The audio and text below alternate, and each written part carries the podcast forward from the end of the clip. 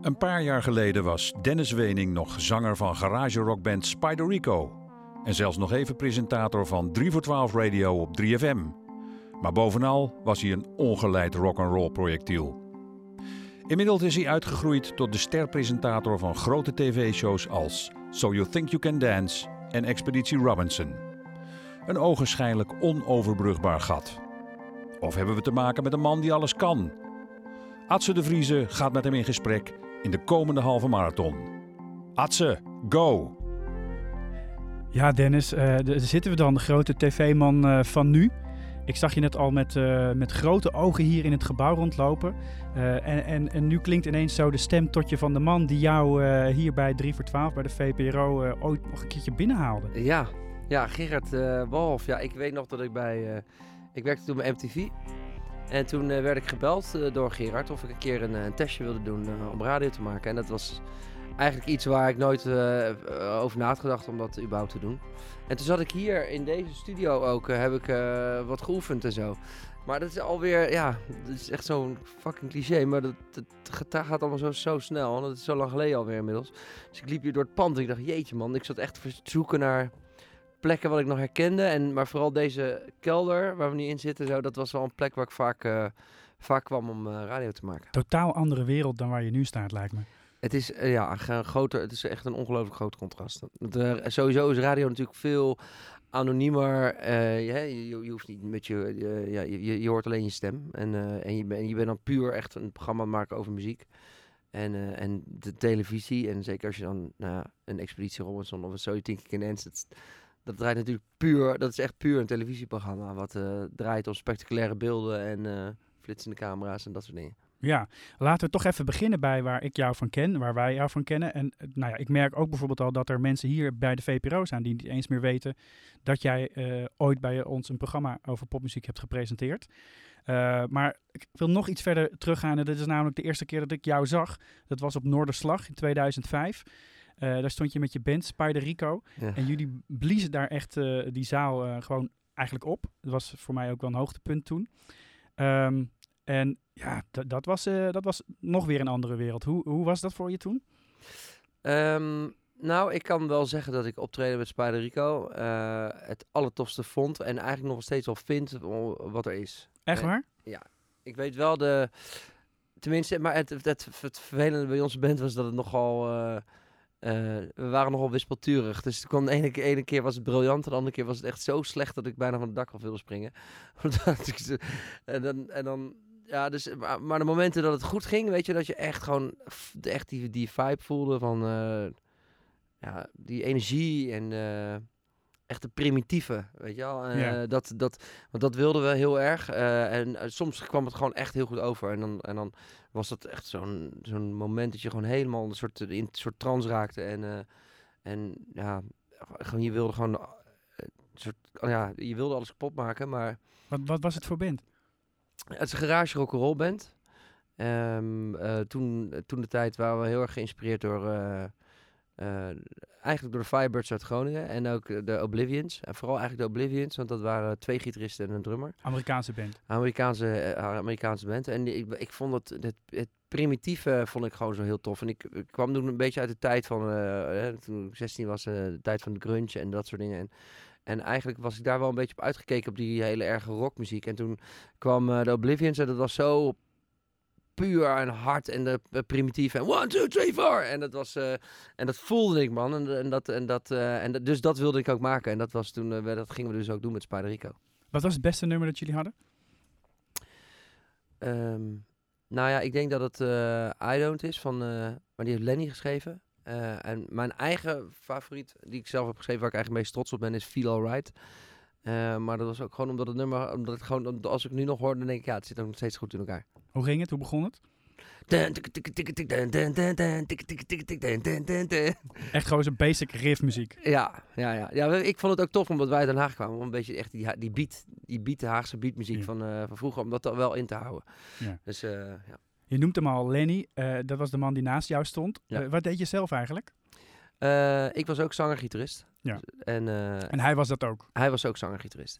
En in principe waren we toen eerst, in eerste instantie, toen we begonnen waren met z'n drieën, dan hadden we ook nog, eh, we hadden- die- we moesten iets doen met onze namen.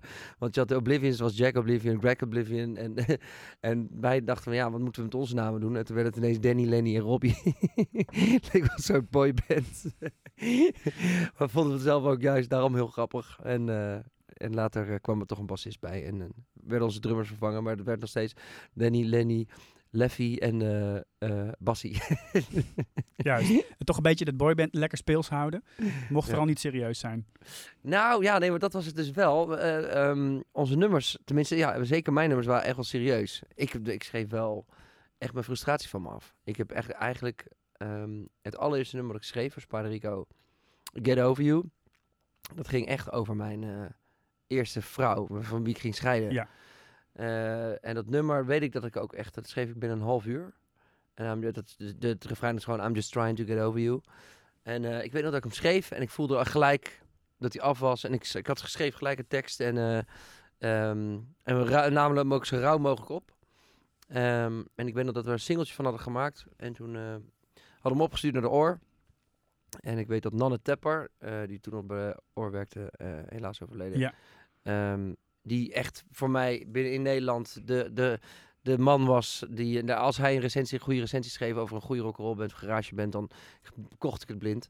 En juist hij eh, eh, schreef een recensie over Spider oh, over dat nummer Feel Alright, of eh, Get Over You. En toen zei hij eh, dat het in de top 10 staat eh, voor hem qua beste rock'n'roll liedjes ooit geschreven. Ooit.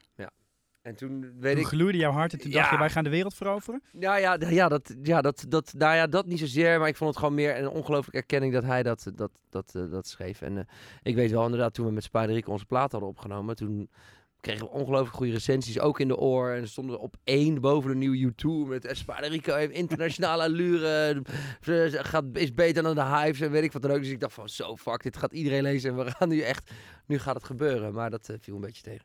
Hoe, ja, waarom viel dat tegen dan?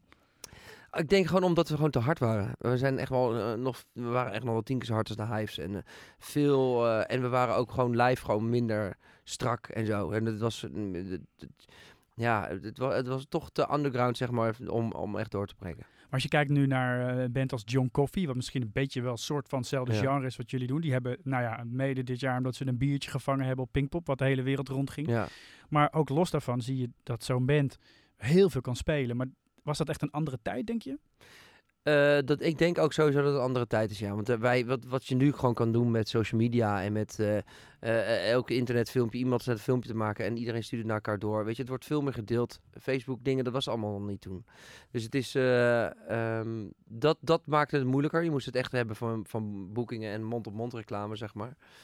En ja, ik denk ook dat wij zelf, we hebben zelf af en toe ook wel met de pet naar gegooid. We waren echt veel te veel, eh, gingen we lieten ons meesleuren in het rock'n'roll eh, gebeuren. En eh, waardoor sommige shows gewoon, ja, gewoon echt te slecht voor woorden waren. Wat was de slechtste show die jullie ooit gedaan hebben? Dat was op, hoe heet dat festival? Het Volkhoff in, in, in Nijmegen. Goede plek.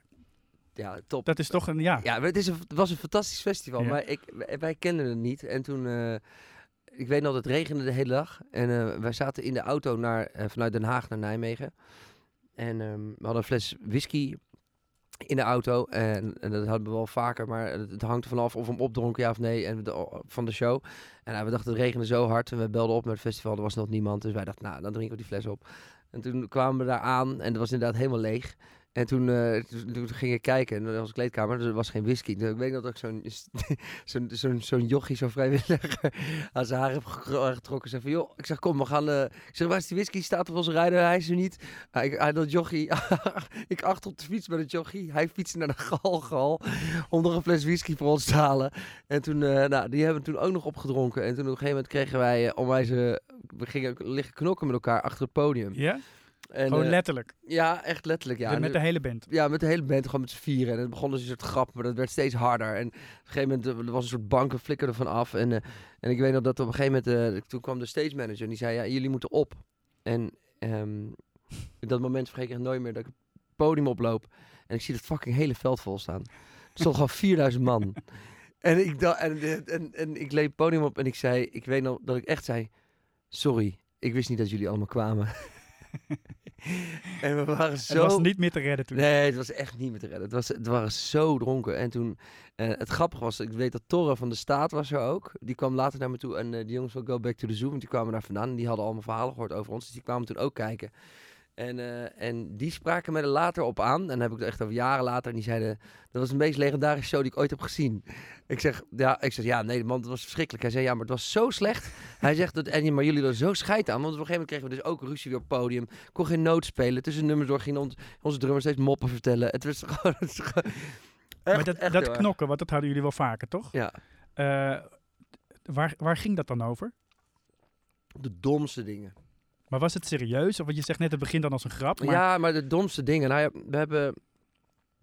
We, hadden met Len, Lenny bijvoorbeeld, eh, hebben ook een keer op het Koninginnennacht in Den Haag gespeeld. Toen hadden we echt een keer afgesproken om een keer echt niet dronken te spelen. Gewoon eh, nuchter, geen doop en dat soort dingen.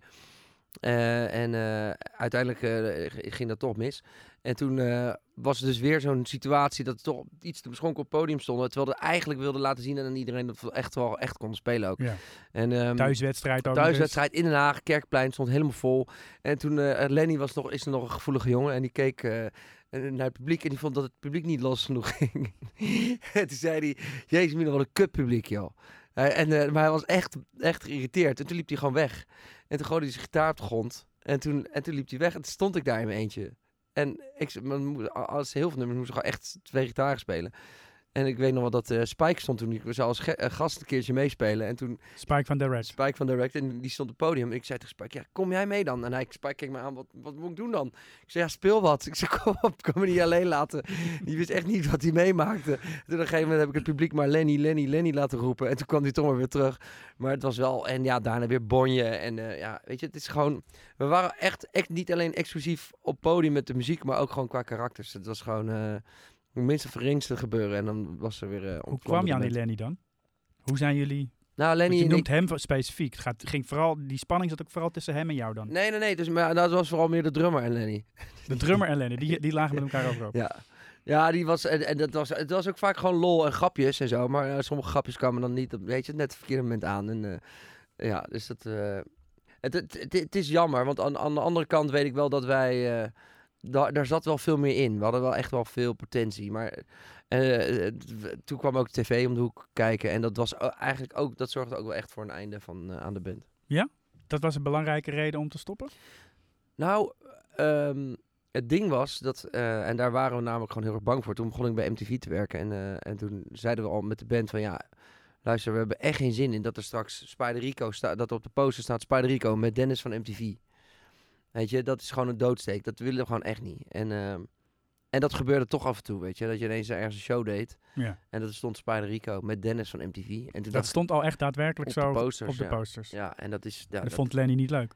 Nee, dat, ja, maar dat vond er ook de rest van de band ook niet leuk. En ik weet nog dat wij toen een show deden en, eh, en we hadden onze... eh, on- we hadden echt best wel een soort aanhang hadden we. En ehm, dat die kwamen naar onze show. En toen kwamen er ook ineens gewoon jonge meisjes naar onze show. Eh, van 14, 15 jaar met een fototoestel. En die dan, eh, terwijl Lenny aan het zingen was, bij mij voor me een- dingen ging staan en foto's van mij gingen maken. En toen merkte ik echt de verschuiving. Toen ging, merkte het ons publiek ineens naar achter liep van, hé, hey, wat gebeurt hier nou? Ja.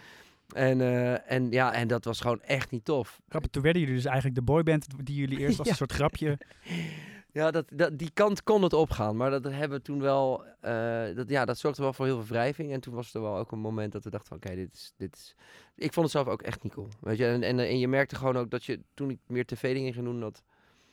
We zaten in een soort. eh, ja, weet je, een beetje echt in die underground scene. Ja. En daar is credibility heel belangrijk. En dat, eh, ja, als je dan tv-dingen gaat doen, dan verlies je die heel snel. Ja, ja. Jullie, jullie zijn toen in de oorspronkelijke vorm volgens mij tien jaar bij elkaar geweest. Je zegt, Ja. je zegt credible dingen. Dat vind ik interessant, omdat jij...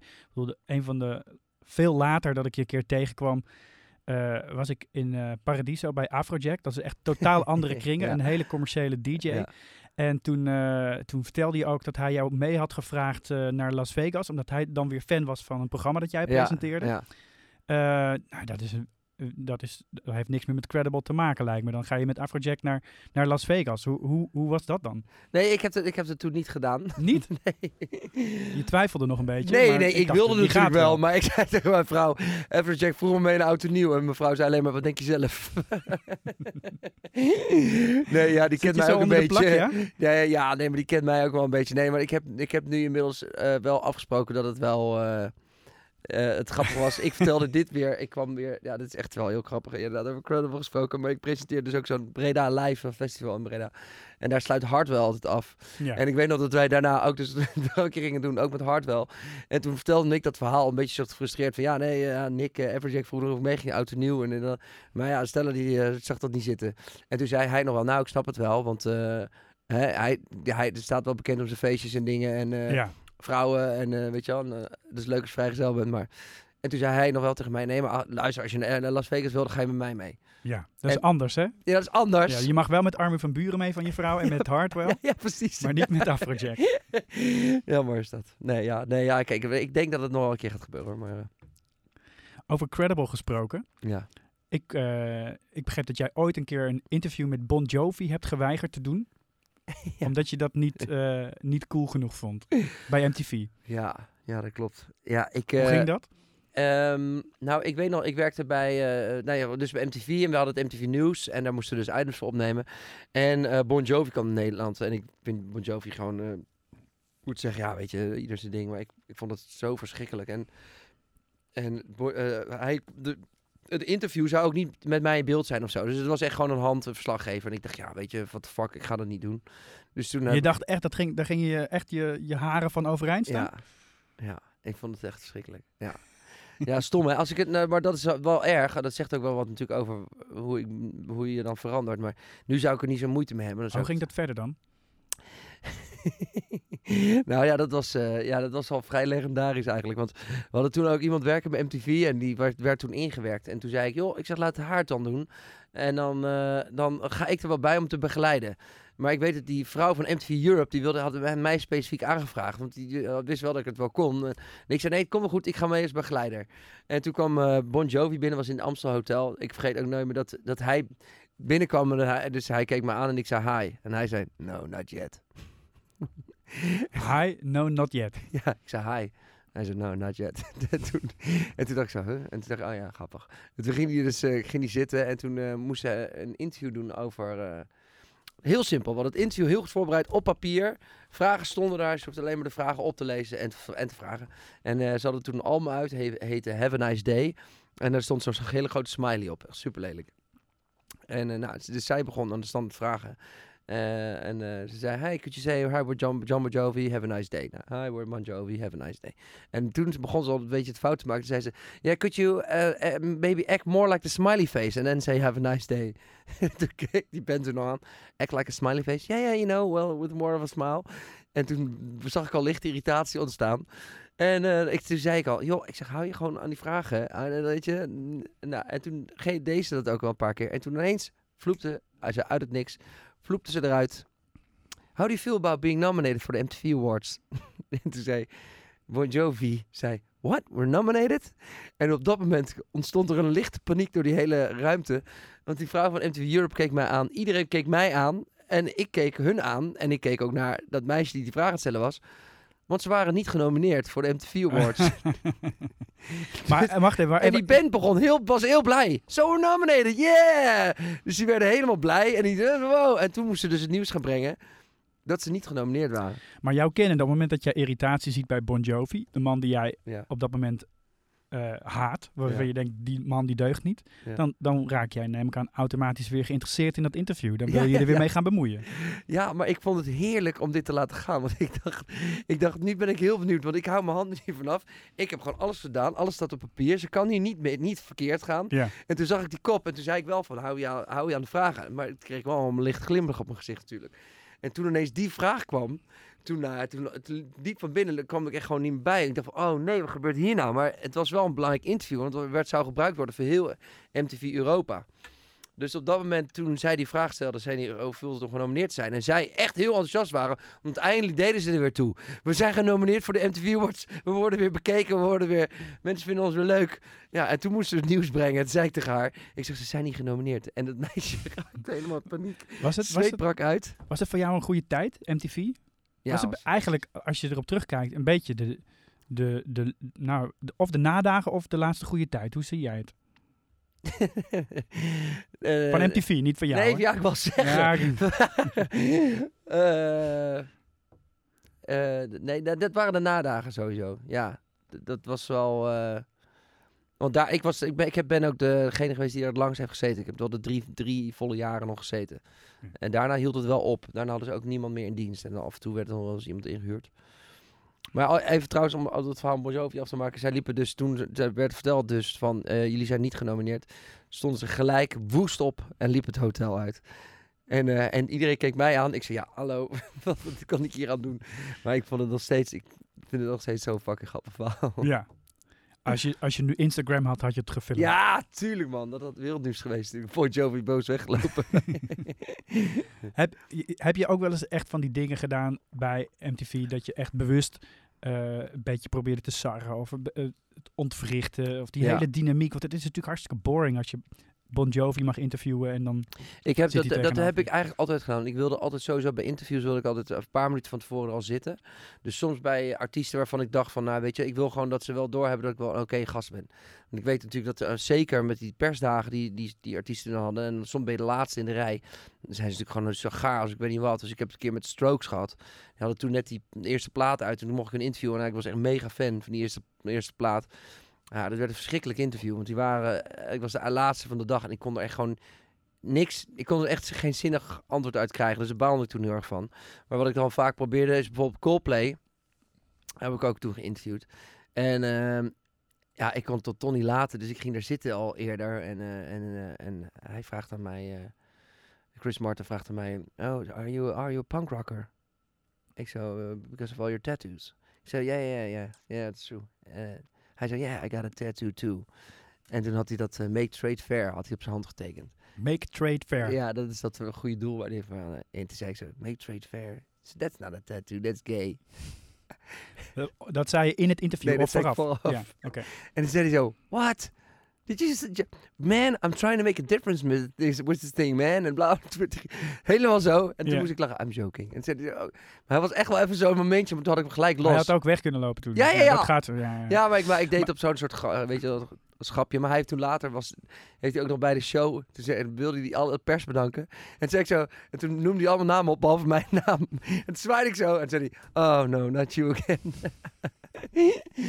En maar even dat terug naar wat ja, Coldplay, dat had jij, dat vond je dan waarschijnlijk ook Ja, heel, oké. ja, ja, vond je wel oké. Nou ja, dus ik nou ja, maar goed, ja. jij wist heel goed wat oké was en wat Ja. niet. Eh, credible, je noemde het net Ja. zelf al. We zitten wat dat betreft nu in een gekke tijd. Je zegt nou, je, je liet net al een beetje doorschemeren, Bon Jovi. Misschien had je dat nu anders Ja. gedaan. We leven in een heel raar jaar, want tegenwoordig luisteren ineens serieuze muziekliefhebbers ook naar Justin, Bieber. Ja, ja. ik wist, je wist dat ik die naam Ja. ging noemen. Ben jij zelf al een belieber? Eh, nee. Nee, ik had. eh, eh, ik vind dat, weet je, what do you mean? Vind ik, vind ik leuk. Ik vind het leuk nummer. Ik vind ook die, dat, die track met, eh, van Jack Hugh vind ik ook gaaf. Maar Met Skrillex en Diplo. ja, met Skrillex en Diplo. En ik, dat vond ik tof. Dus ik had wel het idee van, nou, nee, het, zou, het zou kunnen. Toen zag ik interviews met hem. dacht, nou, het is gewoon nog steeds een verschrikkelijk joch. Zo'n zo godsdienst, waanzinnig typeje. Echt super Amerikaans. Maar toen dacht ik van, nou ja, ik vond die singles toch wel goed. Dus ik dacht, nou, ik ga die plaat opzetten. En ik weet nog wel dat ik met mijn broertje was. Toen zei ik, ja, maar die Justin Bieber CD schijnt zo tof te zijn. Hij zei, Justin Bieber. Toen zette hem aan. En toen zetten we toch al naar vier nummers. dacht van, nee. Nee, toch niet. Nee. Nee. Maar kijk je er anders naar, nu dan 10, 15 jaar geleden? Wat Ja. credible is, wat cool is, wat mag, wat niet? Ja, ja. Ik, ehm, nou ja, sowieso vind ik, merk ik bij mezelf eh, dat ik gewoon dingen nu, ja, je- dat is natuurlijk ook wel logisch, maar ik weet je, ik vind The Weeknd vind ik ineens weer tof en, eh, en eh, Miguel. En dat is meer een soort oude R&B-achtige muziek waar ik al 15 jaar niet meer naar luisterde, maar nu toch ook wel weer tof vind, omdat ze het toch weer met een nieuw, in een nieuw sausje eh, overgieten. Maar ehm, ik, ik, ik sta er wel meer open voor. Ja, Weet je, de, de, de Afrojack, zoals jij zegt, weet Ja. je wel. Ehm, ik geloof zelfs dat ik jouw recensie toen las over, het, eh, eh, over ADE, volgens mij was het vorig jaar of twee jaar geleden. En over dat, dat je eigenlijk, dat het, eh, weet je, het, natuurlijk werkt het, al- wer- het werkt op de, het sentiment en op sensatie en op de drops en op de, weet je, maar het werkt wel. Ja. Weet je wel? En dan kan je natuurlijk als muziekpurist zeggen van ja, weet je wel, dat is een trucje of weet ik wat dan ook. Maar ja, als, als je gewoon wel uit je dak gaat op die avond, wat Ja. moet, je dan, moet je dan zeggen? Ja, maar dat kan eigenlijk niet goed vinden. Nee, ja, het was gewoon tof. ja. Weet je, ik zag, ik moest toegeven, kijk, ik zal hard wel nooit thuis aanzetten, maar ik zag me op Breda Live. ging Maar als je los. dan naar Afrojack gaat, dat, dat doe je dan ook uit een soort beleefdheid omdat hij geïnteresseerd was in jouw programma? Of, of Nou, ja, nee, hij, hij nodigt me uit. ja, Ja, hij nodigt me uit. En, het eh, ging vanwege So You Think You Can Dance. Dat vond hij leuk. Hij, het, het, het- het- ja, dat is wel een grappig verhaal. Want ik ontmoette hem bij Ik hou van Holland. En, eh, en toen hij, raakte mij aan de praat. En toen vertelde hij inderdaad dat hij fan was So You Think You Can Dance. En eh, hij, toen, no- toen nodigde hij me al een keer uit om mee te, gevlie- mee te vliegen naar een Ja, gig ja. ergens. Maar ik dacht, ja, ik ken hem helemaal niet zo goed, weet je wel. Maar toen, hij belde me, had mijn nummer. Dus toen zou hij langskomen bij So You Think. En toen hebben we nog een keer afgesproken ergens.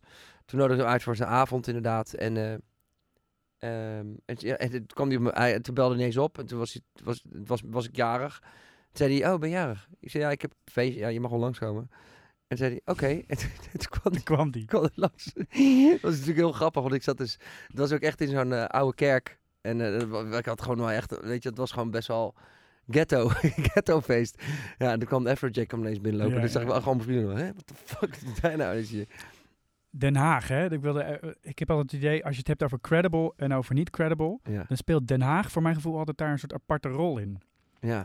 Eh, omdat het lijkt wel alsof ze zich in Den Haag daar veel minder van aantrekken wat wel en niet kan. ja. Herken je dat of is dat iets wat ik, Ik, alleen ja, denk? ik herken dat heel erg. Want ik, ik herken mezelf eh, altijd bijvoorbeeld heel erg in Spike. Ja. Want, want Spike, Spike is het niet, niet per se de, de allerhipste. Nee, nee, maar, nee maar, kijk, maar als hij nooit in direct had gezeten, dan vraag ik me af hoe ook 3 voor 12 hoor, Hm. de Def had opgepikt. De, de Def is zijn nieuwe band. Meer Ja. rock and roll. Ja. ehm, en en, en ja, eigenlijk, kijk, Spike was natuurlijk 15, toen begon hij met direct, weet je. En Ja. het was echt gewoon een, een jong ventje. Over boyband gesproken. over boy- maar dat was, waren ze echt. Dat was, ik, maar toen, zo lang kende ik hun ook al. Maar Spike's muzieksmaak ontwikkelde zich heel erg anders. Langs de zijlijn werd dat gewoon... eh, weet je, hij, hij vond Spider Rico tof. En hij, hij luisterde veel meer naar garagemuziek. En nu zit hij ook helemaal in die garagemuziek. En de Def gaat heel goed. Dat, scoort heel, dat doet het heel goed in Duitsland, nu in Spanje. En dat deed het goed op South by Southwest. Maar je hebt een vooroordeel over Spike. Weet je, en Spike toch, blijft toch die jongen van Direct. En dan merk ik ook bij jou, volgens mij heb jij dat ooit gezegd over Spike. Van hoe rock'n'roll hij ook probeert, pretendeert, de Def pretendeert te zijn. Rock'n'roll zal het nooit worden. Blijft Spike. Ja, Nou ja, nee, ik, weet- ik weet niet of ik dat ooit gezegd heb, maar ik, ik kan niet, niet anders dan toegeven dat ik dat soort vooroordelen wel, eh, Ja. wel koester. ja maar, dat, maar dat is Maar- het erge. Want dat, daar herken ik dus van mezelf. Ik, bij mij is het andersom gegaan misschien. Ik kwam juist uit de credible Ja. underground scene. En ben natuurlijk nu een commerciële hoer. En, maar het- Spike is eigenlijk meer juist met de Def. Ja, weet je, dat, dat loskoppelen daarvan. Want ik vond het toen ook, ja, nou, nu, nu je er toch zit, ik vond het, zag ik ook op Noorderslag, weet je, deden ze een fucking goede show. Ja, Helemaal los. En dan werden top 10 beste shows op 3 voor 12. Er stond de Def niet tussen, dacht ik echt zo. Ik Ja, dat kan mij is dat toch ook een, ja, ik weet niet, maar toch is dat denk ik ook wel een soort eh, ding, ja, eh, hoe cool of hoe credible kunnen ze dan nog zijn, weet je wel? Als je ook al daar de direct doet. Je hebt een vooroordeel over iemand en dan is het los, moeilijk los te koppelen. En ik denk dat wij inderdaad daar scheid aan hebben en het gewoon doen. Hoe belangrijk is die Haagse muziekscene nu nog voor je? Ben, je- ben je daar nog bij betrokken? Ehm, ik, ik ben er wel, eh, ja, in zekere zin wel. Ik, eh, ik word wel nog steeds gevraagd voor de Haagse Popprijs en zo, om daar te komen. En ik probeer er wel, eh, weet je wel, ik, ik, ik, met Bas van Wageningen, die heeft, echt- vind ik dat hij echt wel hele leuke dingen doet met leuke bandjes als de Indians, Wie is de ba- bassist van Direct ook. Ja. En die heeft, eh, die heeft een eigen label. En die, die, die, is echt wel een hele, die is echt wel goed bezig met allemaal Haagse bandjes om dat een beetje te sturen. Is er nu een soort Haagse scene? Kan je daarvan spreken? Of is het, Ja, is het ja. los van elkaar? Of hoe? Nee, dat heb je echt nog wel steeds. Eh, wat ik al zeg, wat je, je hebt eh eh, Sommieu en dan eh, de Indian en uh, godver, hoe heet je ene? Nou, dat is ook heel erg. Maar je hebt wel een aantal bandjes zitten daar. Eh, ik vind sowieso ook met kernkoppen. Je hebt ook de hip-hop scene, de kraaien natuurlijk. Er zijn echt wel, er is echt wel daar, daar, daar werk jij nog steeds zelf mee, hè? Hip-hopgroep. Dus de, de, daar, gebe- ja, er gebeurt nog genoeg. Ja. Jij bent een echte Hagenees, hè? Ja, Zo zeggen ze dat. ja. Wat is het? Een Hagenees? Ehm, ik denk eh, iemand eh, recht voor zijn raap. Eh, geen bullshit. Eh, die- het is geen, het is geen, geen ik, kan niet, ik kan me niet anders voordoen dan je bent. En, eh, en, en ik denk humor. Ja. ADO? ADO zeker. Ben je wel van, toch? ADO. Ik heb, ook een, ik heb zelfs een ooievaar op mijn arm getatoeëerd. Ja? Ja. De- de- het logo van de club. Van Den Haag. Ga je erheen ook? Ik ga daar, ik ga, eh, als ik kan, ga ik heen, ja. Ja. Ja. Ben je al een soort erelid? Of, eh, Nou, ik mag als ik wil, als ik wil dan. Ik, ik ga wel echt er vaak heen. En ik, wij hebben ook, eh, ik ben ook, dat is wel grappig, met Lenny. Die heeft, Lennart heeft ook gewoon zijn eigen eh eh grafisch vormgeven bedrijf. Eh, hebben wij een nieuw zijn we iets nieuws begonnen. En wij maken petjes, voetbalpetjes, hele mooie voetbalcaps eigenlijk moet je dan zeggen. En voor ADO was de eerste die wij Ja. voor we caps hebben gemaakt. w- wanneer dacht je van ik moet een ADO-tatoeage hebben? Nou, het is geen je ADO-tatoeage, natuurlijk het is meer, logo maar- van Den Haag. Ja, Dus van de stad dus meer. Van de stad Den Haag, ja. Dus nou, dat komt gewoon meer omdat ik al zoveel onzin op mijn lijf heb gezet. En, en ik vind het ook wel... Ik vind het... Ik, ja, ik heb wel altijd, zeg maar... Ik wil me altijd toch wel altijd... Het is echt kinderachtig, maar... Weet je, toch altijd afzetten. Weet je, het Amsterdamse. En, eh, Ja, werkt dat zo ja, nog? Ook in jouw hoofd? ja, ik zou... Ik weet nog dat Barry Hay verhuisde van Den Haag naar Amsterdam. Nou, dat was echt wel een dingetje, hoor. Ja? Ja. Dat kon gewoon echt niet. Nee. Nee, dat kon Vond jij ook? Ja, dat vond ik ook, ja. Ja, ja ik, zou, ik zou het zelf ook nooit kunnen. Ja. Ik kan zelf... Ik moet, ik moet echt in Den Haag... Ik kan... Ja, ik zou nooit... Maar jij woont nog steeds in Den Haag? Ja. Altijd gewoond? Altijd gewoond en, eh, ik, en, en daar blijf ik ook altijd wonen. Ik zal nooit... eh, nou, wat ik al zeg, weet je wel, ik zou misschien in de, om, de, in de, om de rand van Den Haag kunnen gaan wonen. Maar ik zal nooit... Amsterdam, daar zou ik nooit eh, kunnen wonen. Maar waarom dan niet? Het, het is toch allemaal hetzelfde? Ik weet het, en het is ook fucking onzin. Maar het, het, het zit gewoon in je hoofd. Ja, maar het is natuurlijk niet ons. Ik weet ook wel dat het niet zo is. Maar Ja. het is zo moeilijk te vatten wat dan het verschil is. Nou, wat het jou dan? Nou, ik, ehm, dat is hetzelfde waarom ik... eh, het, voor mij is het veel praktisch, zou het praktischer zijn, ook nu met mijn werk, om, om in Amsterdam te gaan wonen of in Hilversum. Ja.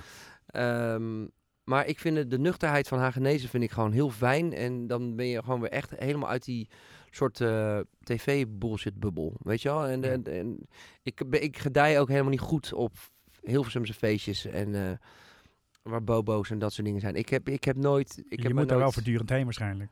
Ja, maar ik, ik word altijd heel recalcitrant en ik word altijd, eh, weet je wel, dus ik, ik, ik probeer maar dus zo min mogelijk. eh, het gaat nu beter hoor, nu ben ik natuurlijk wat ouder, maar toen de tijd was het voor mij lastig. Wat voor school zat je eigenlijk vroeger in Den Haag? Eh, ik zat op de, ik deed op de Dalton, ik deed de MAVO en de HAVO. Uiteindelijk dan de Was je HAVO. goed? Nou, MAVO ging me, gewoon, ging me gemakkelijk af. HAVO vond ik scheikunde altijd heel moeilijk. En toen wilde ik nog milieukunde gaan studeren. Jij wilde milieukunde milieukunde studeren. ja. En, ik, en nou, daar schijnt scheikunde nogal belangrijk te zijn. Dus ik... eh, Waarom wilde je milieukunde studeren? Ja, ik wilde, ik was, ik was wel een beetje een soort groene, groene rakker toch ook wel. Ik vond het, eh, iets alles met natuur en dingen vond ik mooi en dat ik iets kon doen. En, eh, maar ja, uiteindelijk, eh, ik vroeg, vroeg toen ik klein was, wilde ik altijd boswachter worden en zo.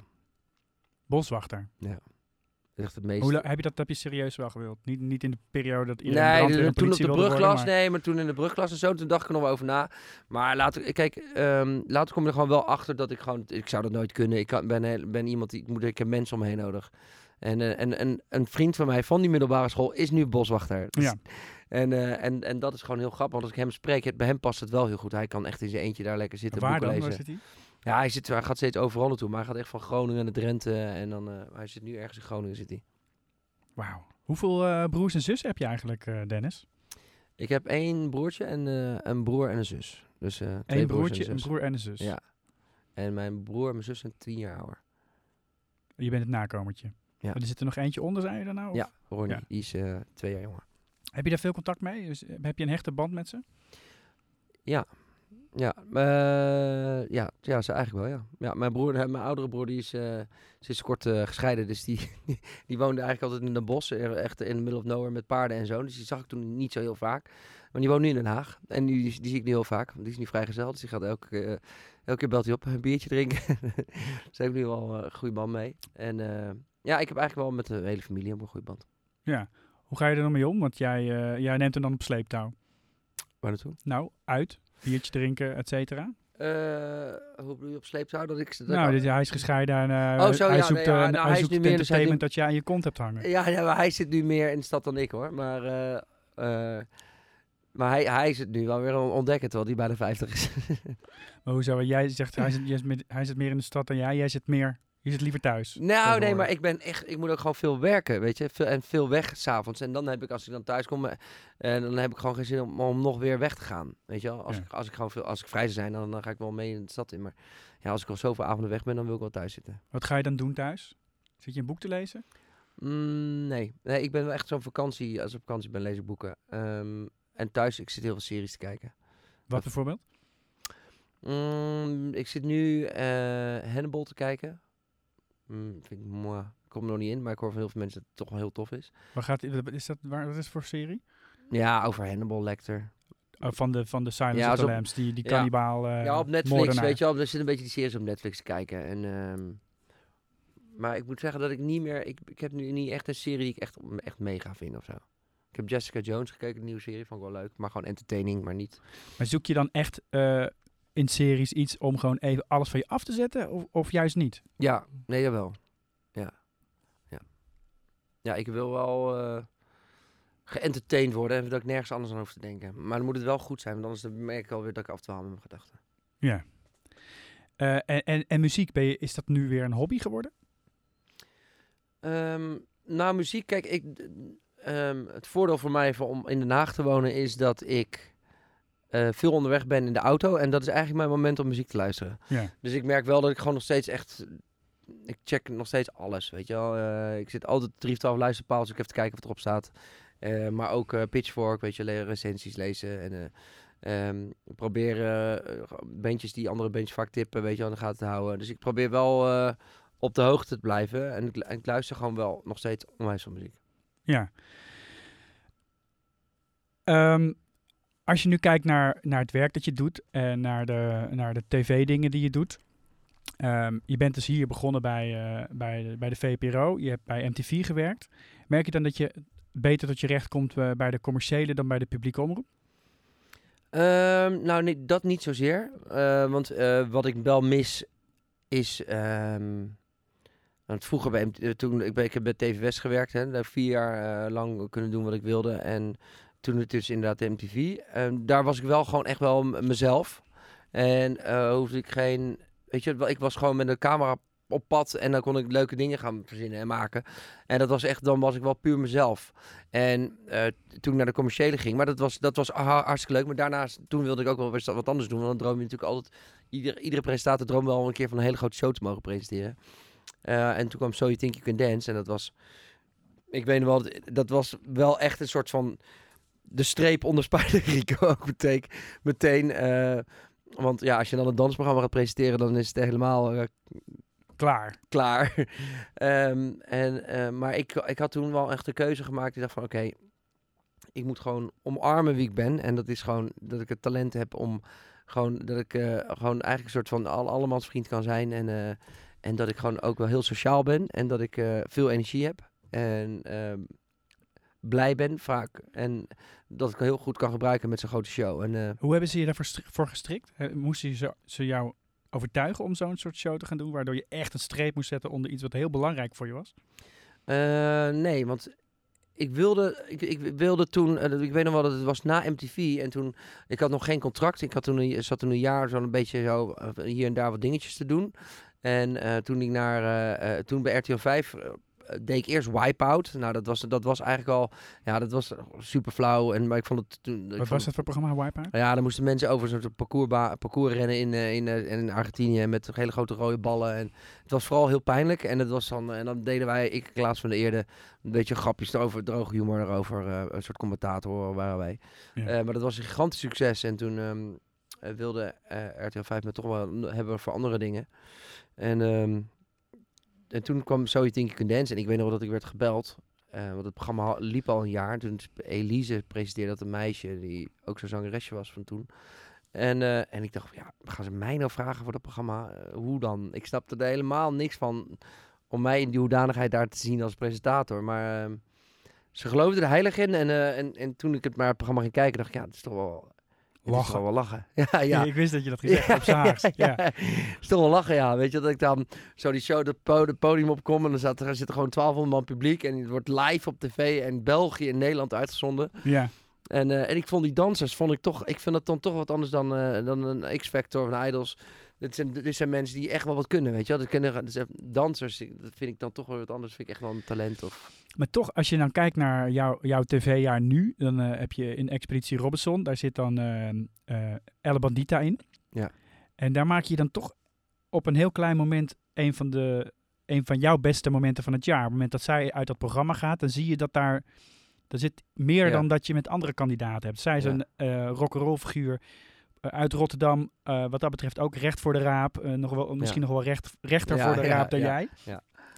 Eh, ook uit de tijd, eh upcoming, Ja, dat jullie, mee- eh, dat jullie hip en happening waren. Ja, ja, En daar zit in één keer een soort extra connectie. ja klopt. Misschien wel een soort emotie zelfs wel. Ja, nee, klopt. Ik, ik, had- ik had toen ook tranen in mijn ogen toen zij wegging. Ja? En, eh, ja. En, ehm, en Waar, hoe kwam dat? Omdat ik haar sowieso onwijs hoog heb zitten. Ik vind haar gewoon echt, eh, echt een top 5. En, eh, en die, wij, wij, wij, wij, we, kenden elkaar ook al natuurlijk. En ik, ik vond het leuk omdat zij daarin kwam. En zij had ook echt het idee dat zij daar heel gewoon echt al als eerste uit zou gegooid worden. Ze dacht, ja, weet je wel. En ik weet nog dat ze zei dat ze zat de oksels geschoren van tevoren. Omdat ze dacht, van, ja, anders dan vinden ze mij normaal vies. Ja. Ja, gooien ze me er gelijk uit. En eh, dus, we zaten op de boot naar, eh, naar, de, naar, de, naar die locatie toe. En toen zat ik al met haar te praten. En toen zei ze, ja Dan, ik ben wel bang dat ze me er gelijk uitgooien. Want ik, ja, ik kan natuurlijk mijn bek niet houden. En eh, gelijk een grote mond. En, eh, en eh, toen zei ze, ik ga me wel even gedijst houden. Ik zei, ja, doe dan hou je nog een paar dagen gedijst. En dan, hè, dat komt vanzelf wel. Maar het mooie was dat zij, ze was onwijs onzeker daarover. En op het moment dat ze daar komt en ze, zag- ze had die grote bek. Mensen vonden haar leuk daar. Het was een soort van... eh, Ze maakte meteen, flapte ze er wat seksgrapjes uit. ja, Maar en- zit die, als je dan, jullie hebben dan enig, even contact met elkaar. Is het dan een soort twee ongeleide rockprojectielen tegen elkaar waarvan jij inmiddels geleerd hebt hoe je je moet gedragen? Eh, nou ja, ehm, ja, misschien wel. Ja, ja. niet altijd. Eh, ik bedoel, ik ben eh, donderdag naar Londen geweest en ben ik uit de Star Wars persconferentie gegooid. Dus, dus Wat de- gebeurde daar? eh, ja, ik, tijdens de persconferentie vroeg ik de handtekening van Harrison Ford en eh, Dat was een no done. nou, dat was not done. En, maar dat was wel heel komisch en het is me wel gelukt. Maar dat was tijdens een livestreaming persconferentie voor miljoenen mensen. Stond ik even op met mijn poppetjes. Dus nee, ja, ik weet, ik weet me wel meer te gedragen. Maar ik merk ook wel, het grappige is ook dat ehm, die wilde kant van mij kon ik toen heel goed gebruiken bij MTV en eh, bij TV West. En was ik het ongeleide projectiel. Ik word ook wat ouder. Ik ben natuurlijk tien jaar ouder dan, eh, dan, dan Rianne. Eh, en dan, ja, dan merk je gewoon wel, ja, het zit er nog wel in. Maar je, ja, zeker bij Robinson als presentator, als, ja, daar, daar kan je gewoon niet alles... Maar op zo'n moment hoop je ook dat ze er langer in blijft dan de willekeurige andere kandidaat. Dat je een connectie met haar voelt. Ja, ja, ja, kijk, je hebt natuurlijk met sommige kandidaten zijn, die zijn nog, al zijn ze zo goed als kandidaat, eh, die, die, ze zijn eruit en je bent ze alweer bijna vergeten. En, en Rianne wist ik al, dat, dat is een, gewoon zo- zo'n karakter. En die, Ja. eh, d- ja, dan hoop je natuurlijk dat hij verder komt. En waarom is Rellen zo leuk? Van Star Wars persconferenties tot interviews met eh, grote artiesten. Waarom is Rellen zo leuk? Ja, het gewoon een beetje de boel ontregelen, weet je wel? En gewoon een beetje af van het, van het stramien, weet je? Dat iedereen maar gewoon dat... ik, iedereen, eh, ik heb dat zo, vaak gezien. Je wil ook, ook bij die artiesten wil je gewoon een onvergetelijke... Even, even de boel weer op scherp zetten. Dat ze... Ik vond het... eh, kijk, waarin Maxime Hartman vind ik... eh, die, die, die, die deed toen mee met mij toen ik ook kandidaat was. Allereerste keer Expeditie Robinson. Zei hij ook, ja, ik wil gewoon altijd gewoon, weet je wel, eh, hout Ja. op het vuur gooien. En, eh, en, en eh, daarin vind ik hem echt de- koning hoor. Dat vind ik hoe hij daar zijn carrière van heeft gemaakt, vind ik echt briljant. Maar echt ontregelen om het ontregelen? Nou ja, dat doet hij wel, dat weet ik. Ja. Dat is, weet je wel, hij is natuurlijk gewoon echt een stoker per zang. Ja. Weet je wel, en, en, en, maar hij doet het met zo'n soort knipoog, weet je, dat, dat mensen er ook niet eens boos over worden echt, weet je wel. Hij krijgt zijn eigen programma's daarvoor en hij, hij zit nu bijna elke week bij de Wereld Door aan tafel, omdat hij van die leuke... En ik, ik vind hem echt een voorbeeld daarin, weet je, dat zou eigenlijk met zo'n Rianne zou, zou dat ook gebeuren. En ik ben daar veel minder uitgesproken in, weet je wel. Heb je er wel eens over gedacht om samen met hem een programma te gaan doen? Ik, ik zou dat heel tof vinden, ja. Ja. ja. Hoe, maar hoe- hij is, hoe hij- zou je dat voor je zien? Eh, ja, weet ik niet. Ja, ik, ik, denk- ik denk dat, dat hij dan mij vooral zit af te zeiken en dan ik dan hem. Maar ja, ik, ik weet niet. Ik, ik zit wel voor me naar een heel leuk feestje gaan met hem bijvoorbeeld. Waar ik dan helemaal leuk vind. en hij geen, geen reet aan vindt of zo. Ja, ik weet ik wel. Ik zeg maar wat Een natuurlijk. beetje pispaaltje zijn, dat vind je niet erg. Ik vind het helemaal niet erg. Ik vond het onwijs lachen toen. De, eh, ik weet dat Maxime had toen Eddie Zoe geïnterviewd. eh, voor, de, voor het programma van hem, Nog Meer van Mannen. En toen begon Maxime over zijn carrière. En ik heb toen Robinson van Eddie Zoe overgenomen. En dus ik dacht, oh, die gaat op zeker gaat hij daarover beginnen. En toen zei Maxime ook tegen Eddie, hoe gaat het met je carrière eigenlijk? En Eddie nog, ja, gaat toch goed? Hij zei, kom op man, Dennis Wening heeft toch jou Robinson van jou afgepakt, man. Dat gaat toch helemaal niet goed? En toen zat ik al, iedereen begon me al berichtjes te sturen. Kijk je, kijk je. En, Dit eh, gaat mis. en toen dacht ik al, wat gaat, wat gaat hij nou doen? En toen zei hij al, hij zegt, ja, Eddie, ja, maar hij zegt, kom op man. Hij zei, ken je Dennis Wening? Weet je, weet je hoe klein hij is? Hij zei, klein. Hij woont in Den Haag. Kom, gaan we naar hem toe, stompen hem helemaal in elkaar. Ja, ik lig dan helemaal de deuk. Ik vind dat gewoon geweldig. Dat vind jij mooi. Ja, dat vind ik fantastisch, ja. Dan, en dan tune je in en dan, dan denk je, dit wordt, dit wordt zo'n momentje. Dat, ik ga kijken. Ik, ja, zeker. Ja, ja. En, eh, ik, ik, ik neem alles niet zo serieus. En ik, ik, ik, kan, ik hou daar wel van.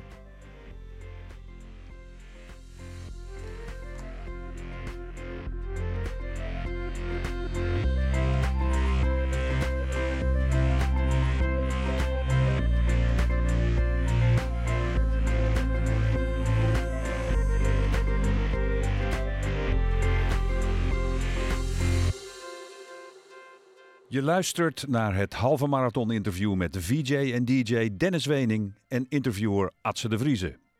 We zijn halverwege, nog drie kwartier te gaan. Maar er valt nog een heleboel te bespreken, dus blijf luisteren.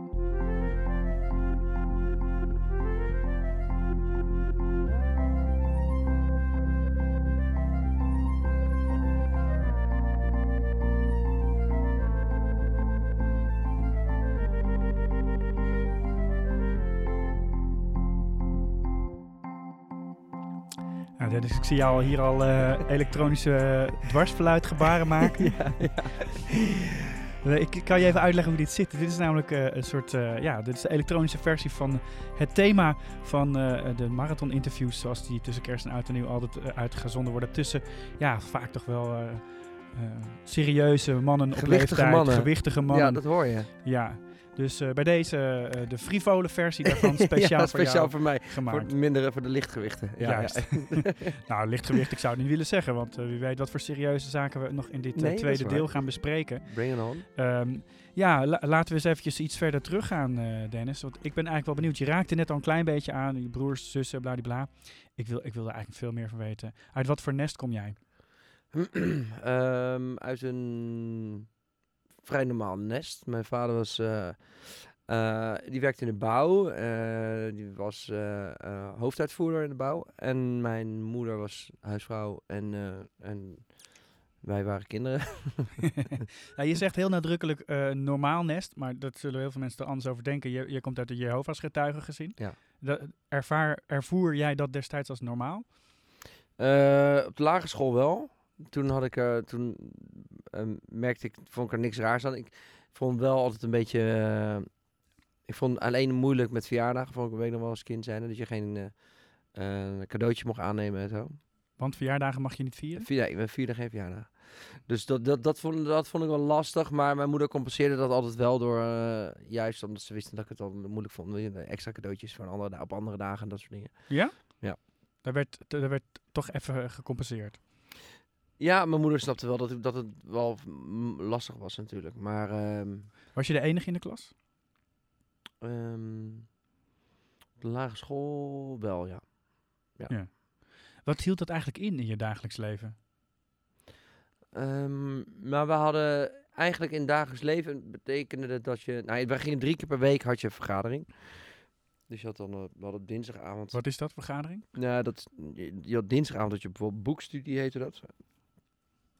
Bijbelstudie of ook Ja, andere ja, een soort bijbelstudie, maar dan elke keer over een eh, ander onderwerp, zeg maar. Ja. Eh, met een uitgifte van een, van een, eh, gewoon een publicatie van Joost aan een boekje. En dan ging je dan bespreken. En dan, en dan had je donderdagavond had je dan de- een vergadering in de Koninkrijkszaal, zeg maar, waar dan met 110 man ongeveer zat.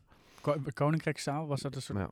landelijke verzamelplek of zo? Nou, je hebt, in Den, je hebt gewoon meerdere zalen in Den Haag, eh, Ja. eh, weet je wel. En dat zijn zaaltjes waar, eh, waar een gemeente in zit. Dus wij waren gemeente Valkenbos. En wij zaten dan in, in, een, in een zaaltje waar zo'n mannetje van 120 in kon of zo. Ja. En daar zaten we dan donderdagavond en zondagochtend. Maar begon dat al heel, op hele jonge leeftijd dat je die studies ging doen? Ja, Dat je boek, boekstudies ging doen? Hoe, hoe jong was je dan? Eigenlijk zolang ik me kan herinneren. Ja, dus echt al vanaf dat je, Mm. vanaf dat je kan lezen, zeg maar. Ja, maar dat had je... Ik ben nog als kind zijn, dan vond ik natuurlijk... Vond je, ja, weet je, het duurde allemaal natuurlijk heel lang als je dan niet zelf zat. Weet je, Ja. Er waren echt allemaal serieuze lezingen en zo. Ehm, maar... ehm, maar ja, ja, je kreeg dan ook zelf persoonlijke bijbelstudie. En dan eh, probeerde je... ja, dus, maar dat is al zolang ik me kan herinneren. Maar was er ook een moment dat je dat gewoon echt leuk vond? Ik heb het eigenlijk altijd wel leuk gevonden. Ja. Ja? Ja. Ja, ik, maar ik- het, het is altijd zo eh, moeilijk uit te leggen, maar ehm, ik geloofde het gewoon helemaal, weet je wel. Dus dan is het, eh, dan, dan is het niet, eh, ja, dan er zijn termen als leuk en weet je wel, hoe, hoe voor dat niet raar. niet aan de orde. Nee, dat is helemaal niet aan de orde. Dat, dat, dat, die, ik was het gewoon, ik was gewoon Joost Stuig en ik geloofde ook helemaal heilig in, in God. En, dus ja, dat was voor mij gewoon een soort logisch. Ik denk dat heel veel mensen eigenlijk helemaal niet zo goed weten wat het eigenlijk inhoudt. Als in, weinig mensen zullen eh, het verhaal van de Jehovah's getuigen echt aangehoord hebben. Wat, wat was voor jou de kern? Wat, wat, waar draaide het om? Eh, nou ja, eh, ja, het gaat, het eigenlijk, gewoon, het, eigenlijk gaat het gewoon om het standaard verhaal. Om God en om zijn zoon Jezus.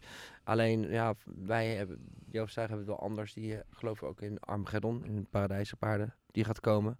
Dus dat er een einde gaat komen aan alle ongelovigen op de aarde. Heel concreet, toch? En, eh, en dat je dus, eh, en dat Jezus zeg maar iedereen een, eh, de opdracht had gegeven om eh, langs de deur te gaan te prediken en de mensen te waarschuwen voor het einde der tijden. Ja. Vond je dat eigenlijk een prettig idee als jonge gast dat het eind der tijden aan, aanstaande was? Of, of juist niet? Nou ja, ik wel ja. Ik dacht wel van, ik vond mijn middelbare schooltijd nooit leuk, want ik, toen had ik het wel zwaar. Eh, en ik, ik, dus ik keek er wel naar uit, zeg maar, dat Armageddon zou komen. Jij keek Want- er naar uit naar de Armageddon. Ja, want, want, eh, ja, want als Jehovah's getuige, zeg maar, als je gewoon, als je gewoon normaal goed leefde, dan zou je eeuwig leven krijgen. Zou je beloond worden met eeuwig leven op paradijsaarde. Ja, en dat, ja, weet je, dat, klinkt, dat klinkt natuurlijk wel mooi. Hoe zag dat eeuwig leven er dan uit? En wie kwamen daarvoor in aanmerking? Eh, nou ja, goed, daar, ging, daar, daar, ging, daar zou God dan over oordelen, natuurlijk. Maar in principe de mensen die eh, ja, rechtschapen zijn of eh, die eh, het geloof op de juiste, die beleid, de juiste manier beleiden. Ja. Ik, ik merk dat je meteen zachter gaat praten. Het is, Nou, ik vind het, het, het komt ook gewoon omdat ik, weet je, dat is de- altijd een ding bij mij geweest, dat ik, ik heb er heel lang nooit over gepraat, sowieso niet in pers en media, omdat ik ook wist dat het, dat het een sensatie is, weet je, het is ook een, eh, Kim Holland bijvoorbeeld, ja. eh, die, die ken ik ook nog van vroeger, dat was ook getuige. Oké. Dus eigenlijk eten zij Yvonne. En ik weet nog dat zij eh, op een gegeven moment eruit ging. Die werd uitgesloten. En ik weet nog dat zij toen in de porno ging. Ja. En dan stond er ook, weet je, ze, werd, ze is beroemd geworden omdat ze getuige was. Weet dat je, stond in de berichtgeving over in de haar kranten carrière van moment. van getuige tot pornoster. Ja. Weet je wel, ja, dat is natuurlijk een fantastisch verhaal. En, ehm, en, en dat was, ik weet wel dat, dat het heel veel mensen in mijn omgeving heel erg gekwetst heeft. Eh, omdat het geloof gewoon heel kostbaar en dierbaar is. En, eh, Maar ging het anders? nee, maar dat was, dat was haar manier om ook beroemd te worden. Dus dat is niet, dat, ja, weet je wel. De, en de, maar dus ik werd, toen ik eh, op tv kwam, was dat het laatste wat ik wilde. Dat, dat, dat ze dat, dat ook bij mij zouden gaan gebruiken. Want dat is natuurlijk, eh, dat is natuurlijk heel makkelijk. Hè? Dus, hè, weet je wel, eh, ja, Dennis eh, Wening, wilde periode. En vroeger Joost Stuigen, nu punkrocker. En weet je wel, en, en, en ik dacht van ja, ik wilde mijn moeder en mijn omgeving. En er zijn nog te veel mensen die ik ken die overstuigd zijn. Waar ik gewoon enorm veel respect voor heb. Die ik daar niet mee in, tegen het, in het harnas wil jagen. Maar jij zegt het geloof was dierbaar voor veel mensen. Is het dat nog voor jou op een bepaalde manier, ondanks dat je daar niet meer actief mee bezig bent? Ehm, er zijn. eh, ehm, het is nog wel dierbaar, omdat ik toen ik het was, was ik gewoon ook gelukkig. En het, het, ik, ik zie het niet als een, als, weet je, als een, als een, een rotperiode. Ik, vind het, ik zie het niet als een zwarte pagina of zo. eh, Mijn, leven, ik vond het heel leuk. Ik heb ook mindere dingen meegemaakt toen ik eruit ging. Ehm, Wat maak je dan mee? Nou ja, kijk, ik ben uitgesloten. En, dan, en als je uitgesloten wordt, dat, dat is gewoon een hele nare... Dat is gewoon een hele nare tijd. Want dat is dan een periode... Ja, dat mensen met wie je eigenlijk je hele leven lang bent opgetrokken... niet meer met, niet meer met je mogen praten. Die mogen niet meer met je praten. Nee. Dat is echt gewoon een, een, een, een, een gouden regel die ook in de praktijk... eh, waar mensen gaan Ja. houdt? Ehm, daar wordt nu, moet ik zeggen, dat, wat ik merk nu, mijn moeder is nog steeds, dus ik praat er nog wel eens over met mijn moeder. Merk dat, mijn, dat dat nu wel iets versoepeld is, maar toen de tijd, toen ik, dat, toen ik werd uitgesloten, was het gewoon heel strikt. Dus ik verloor toen ook heel veel vrienden, weet je wel. En dan kwam ik, als ik dan mensen tegenkwam, die, ja, dan, dan wennen ze hun hoofd om als ze mij zagen. En, eh, en dat, dat, ja, dat was natuurlijk wel pijnlijk. Maar moest jouw moeder jou dat moment dan ook uitsluiten? Mijn moeder heeft zich eh, daar nooit iets van aangetrokken. Nou, want formeel moet dat al wel. Nou, nee, nee, dat hoeft ook niet. Per se, als ouders zijnde ehm, mag je gewoon wel je kinderen blijven zien. Ja. Eh, maar er zijn natuurlijk ouders die, die, die kiezen daarvoor om dat niet te doen. Die, dus die, die willen dan een standpunt innemen en die doen dat inderdaad niet meer. Maar mijn moeder was er altijd gewoon heel erg, eh, heel erg duidelijk in. En mijn kinderen gaan voor. Ik probeer maar voor te stellen hoe jij als jong mannetje langs de deuren gaat. En ik kan me voorstellen dat je daar steen goed in was. ja, dat klopt. Ik was ook wel heel goed. Ja. Ja? Ja. ja. Ik weet nog wel, ik weet ook echt dat ik. Hoe Ik- gaat het dan? Doe even, doe even een stukje. Nee, ik ga niet, dat ga niet een stukje doen. Maar ik, ik weet nog wel dat ik, eh, zeg maar, ik, had, ik, ik las ook echt, ik had de Bijbel twee keer gelezen en ik wist ook echt veel vanaf. Ja. Dus ik, eh, en ik had De ook hele echt- Bijbel? Ja. En ik had ook wel argumenten, zeg maar, weet je wel. Dus ik weet nog wel dat, eh, ik weet nog dat ik toen jaar of twaalf was of zo, dat ik langs de deur ging en ook bij een, een dominee voor de deur stond. En we gingen het hebben over, ik weet het zelfs nog, over, over de drie-eenheid. Over de Vader, de Zoon en de Heilige Geest. En over dat de katholieke kerk eh, dat vaak ziet eigenlijk als, als dat het één persoon is. Dat God en de, de Zoon en de Heilige Geest, dat het dus één is. En, hoe de, en wij, die overtuigd geloofden, wij, hoor mij nou, Mhm. geloofde Oh ja. daar niet in. Ja, weet je, dus wij, eh, dus dat, en ik weet nog dat ik toen allemaal argumenten had en allemaal, allemaal bijbelpassages kwam. Ik zei, ja, maar Johannes 14 vers 12 zegt dat, en dat, dat, dat, ja, maar Leviticus 3 vers 2 zegt dat. En dat die man daar zo stond zo, holy, weet je wel, kom jij maar binnen. En dat ik bij hem binnenkwam en Ja. dat hij zei dat hij helemaal verbaasd was over hoe, eh, ja, hoe mijn bijbelkennis en hoe mij, die, dat, hij, dat hij zo paraat was ook. Dat ik, Hij zei, kom jij maar binnen. Dus jij bent naar binnen gegaan en Ja. de hele avond daar gezeten? Ik heb toen, eh, nou was toen een ochtend volgens mij, maar ik weet nog wat ik daar al lang heb gepraat. Was ik niet, je gaat nooit alleen trouwens hoor, als je klein eh, mannetje bent natuurlijk. Zeker niet bij een dominee. Maar dan, eh, dus ik, toen kwam je, dus, maar ik ging daar wel mee praten. Ja, en die man vond het wel zo interessant, toen mocht ik daar vaker terugkomen. Ja. Maar had je dan eh, gewoon ook helemaal zoals het hoort een te groot colbertje aan als klein mannetje? ja. ja, ik was ook heel klein. Nee, ik, ja, ik was, ja, ik was, ja, Eh, ik kan me voorstellen dat dat, eh, zeker als je het echt gelooft, als je echt van overtuigd bent dat het, dat, dat, dat, dat ontzettend leuk en interessant is om mensen, voortdurend met mensen te spreken daarover. Ja, kijk, je moet je voorstellen dat je als je en dan dat, dat, staat dan nog wel in schil contrast, maar ik bedoel wat ik dan nu bijvoorbeeld eh, eh, wat je hebt met goede muziek, als je een band zo tof vindt, weet je wel, Ja. waar je gewoon eh, weet je, dat wil je gewoon iedereen laten horen. Weet je wel, dat, Ja. dat, dat, dat gevoel, dat, ja, dat, dit is enthousiasme en, en, en dat, dat wil je dan delen met iedereen. Een van de dingen die ik zelf eigenlijk altijd een beetje gek heb gevonden aan Jehovah's getuigen is dat ze, ze waren ervan overtuigd dat er een exact aantal van 144.000 mensen waren die echt daadwerkelijk, Ja, ge, hoe zeggen ze dat, gezalfd ja dat of zijn gezegend. gezalten, ja. Eh, toen dacht ik altijd van ja, als je dan mensen gaat overtuigen om ook zich te bekeren, dan wordt de kans dat jij daartoe behoort wordt steeds kleiner. Dat was mijn, mijn gedachte toen ik 12 was. Ja, ja, nee, nee, maar die 144.000 zijn natuurlijk degenen die dan uiteindelijk zeg maar in de hemel zullen gaan regeren. Ja. En de anderen die gaan gewoon, die zullen gewoon leven op paradijs. Dus, dus dat, ik hoef niet in de hemel te gaan zitten. Ik wil dan, dan op de aarde rondbanjeren. Ja. Op de aarde rondbanjeren. Dat, Ja. wilde je, dat zag je wel zitten de rest van eh, nog de steeds. eeuwigheid. Ja. Nog steeds. ja. Hoe, hoe ging dat dan? Want je, je- we hebben het net in het eerste drie kwartier hebben het onder andere gehad over jouw drang om te ontregelen, ook met humor. ja. Eh, en niet altijd serieus, maar wel ontregelen. Ik kan me voorstellen dat dat op gespannen voet staat. Hoe, hoe, hoe was dat dan als jij als 14-jarige in de klas zat? Had je dan ook die behoefte om te ontregelen en liet je dan weer houden door regels van bovenaf die, eh, waar je heilig in geloofde? Eh, toen wel, ja. Maar, toen, maar dat kwam ook wel omdat ik... Maar toen was ik ook wel een heel ander jongetje. Ik had altijd wel mijn bek, mijn mijn grote mond mee. Ja. Maar op mijn middelbare schooltijd weet ik nog wel dat ik... Ik was gewoon heel onzeker. Ik was al, eh, weet je wel, de andere jongens waren veel groter en sterker en dat soort dingen. En ik had wel echt alles tegen zitten ook hoor. Toen, als ik dat, ik, ik, ik, nee goed, ik zal je een voorbeeld geven. Toen ik jaar of tien was geloof ik.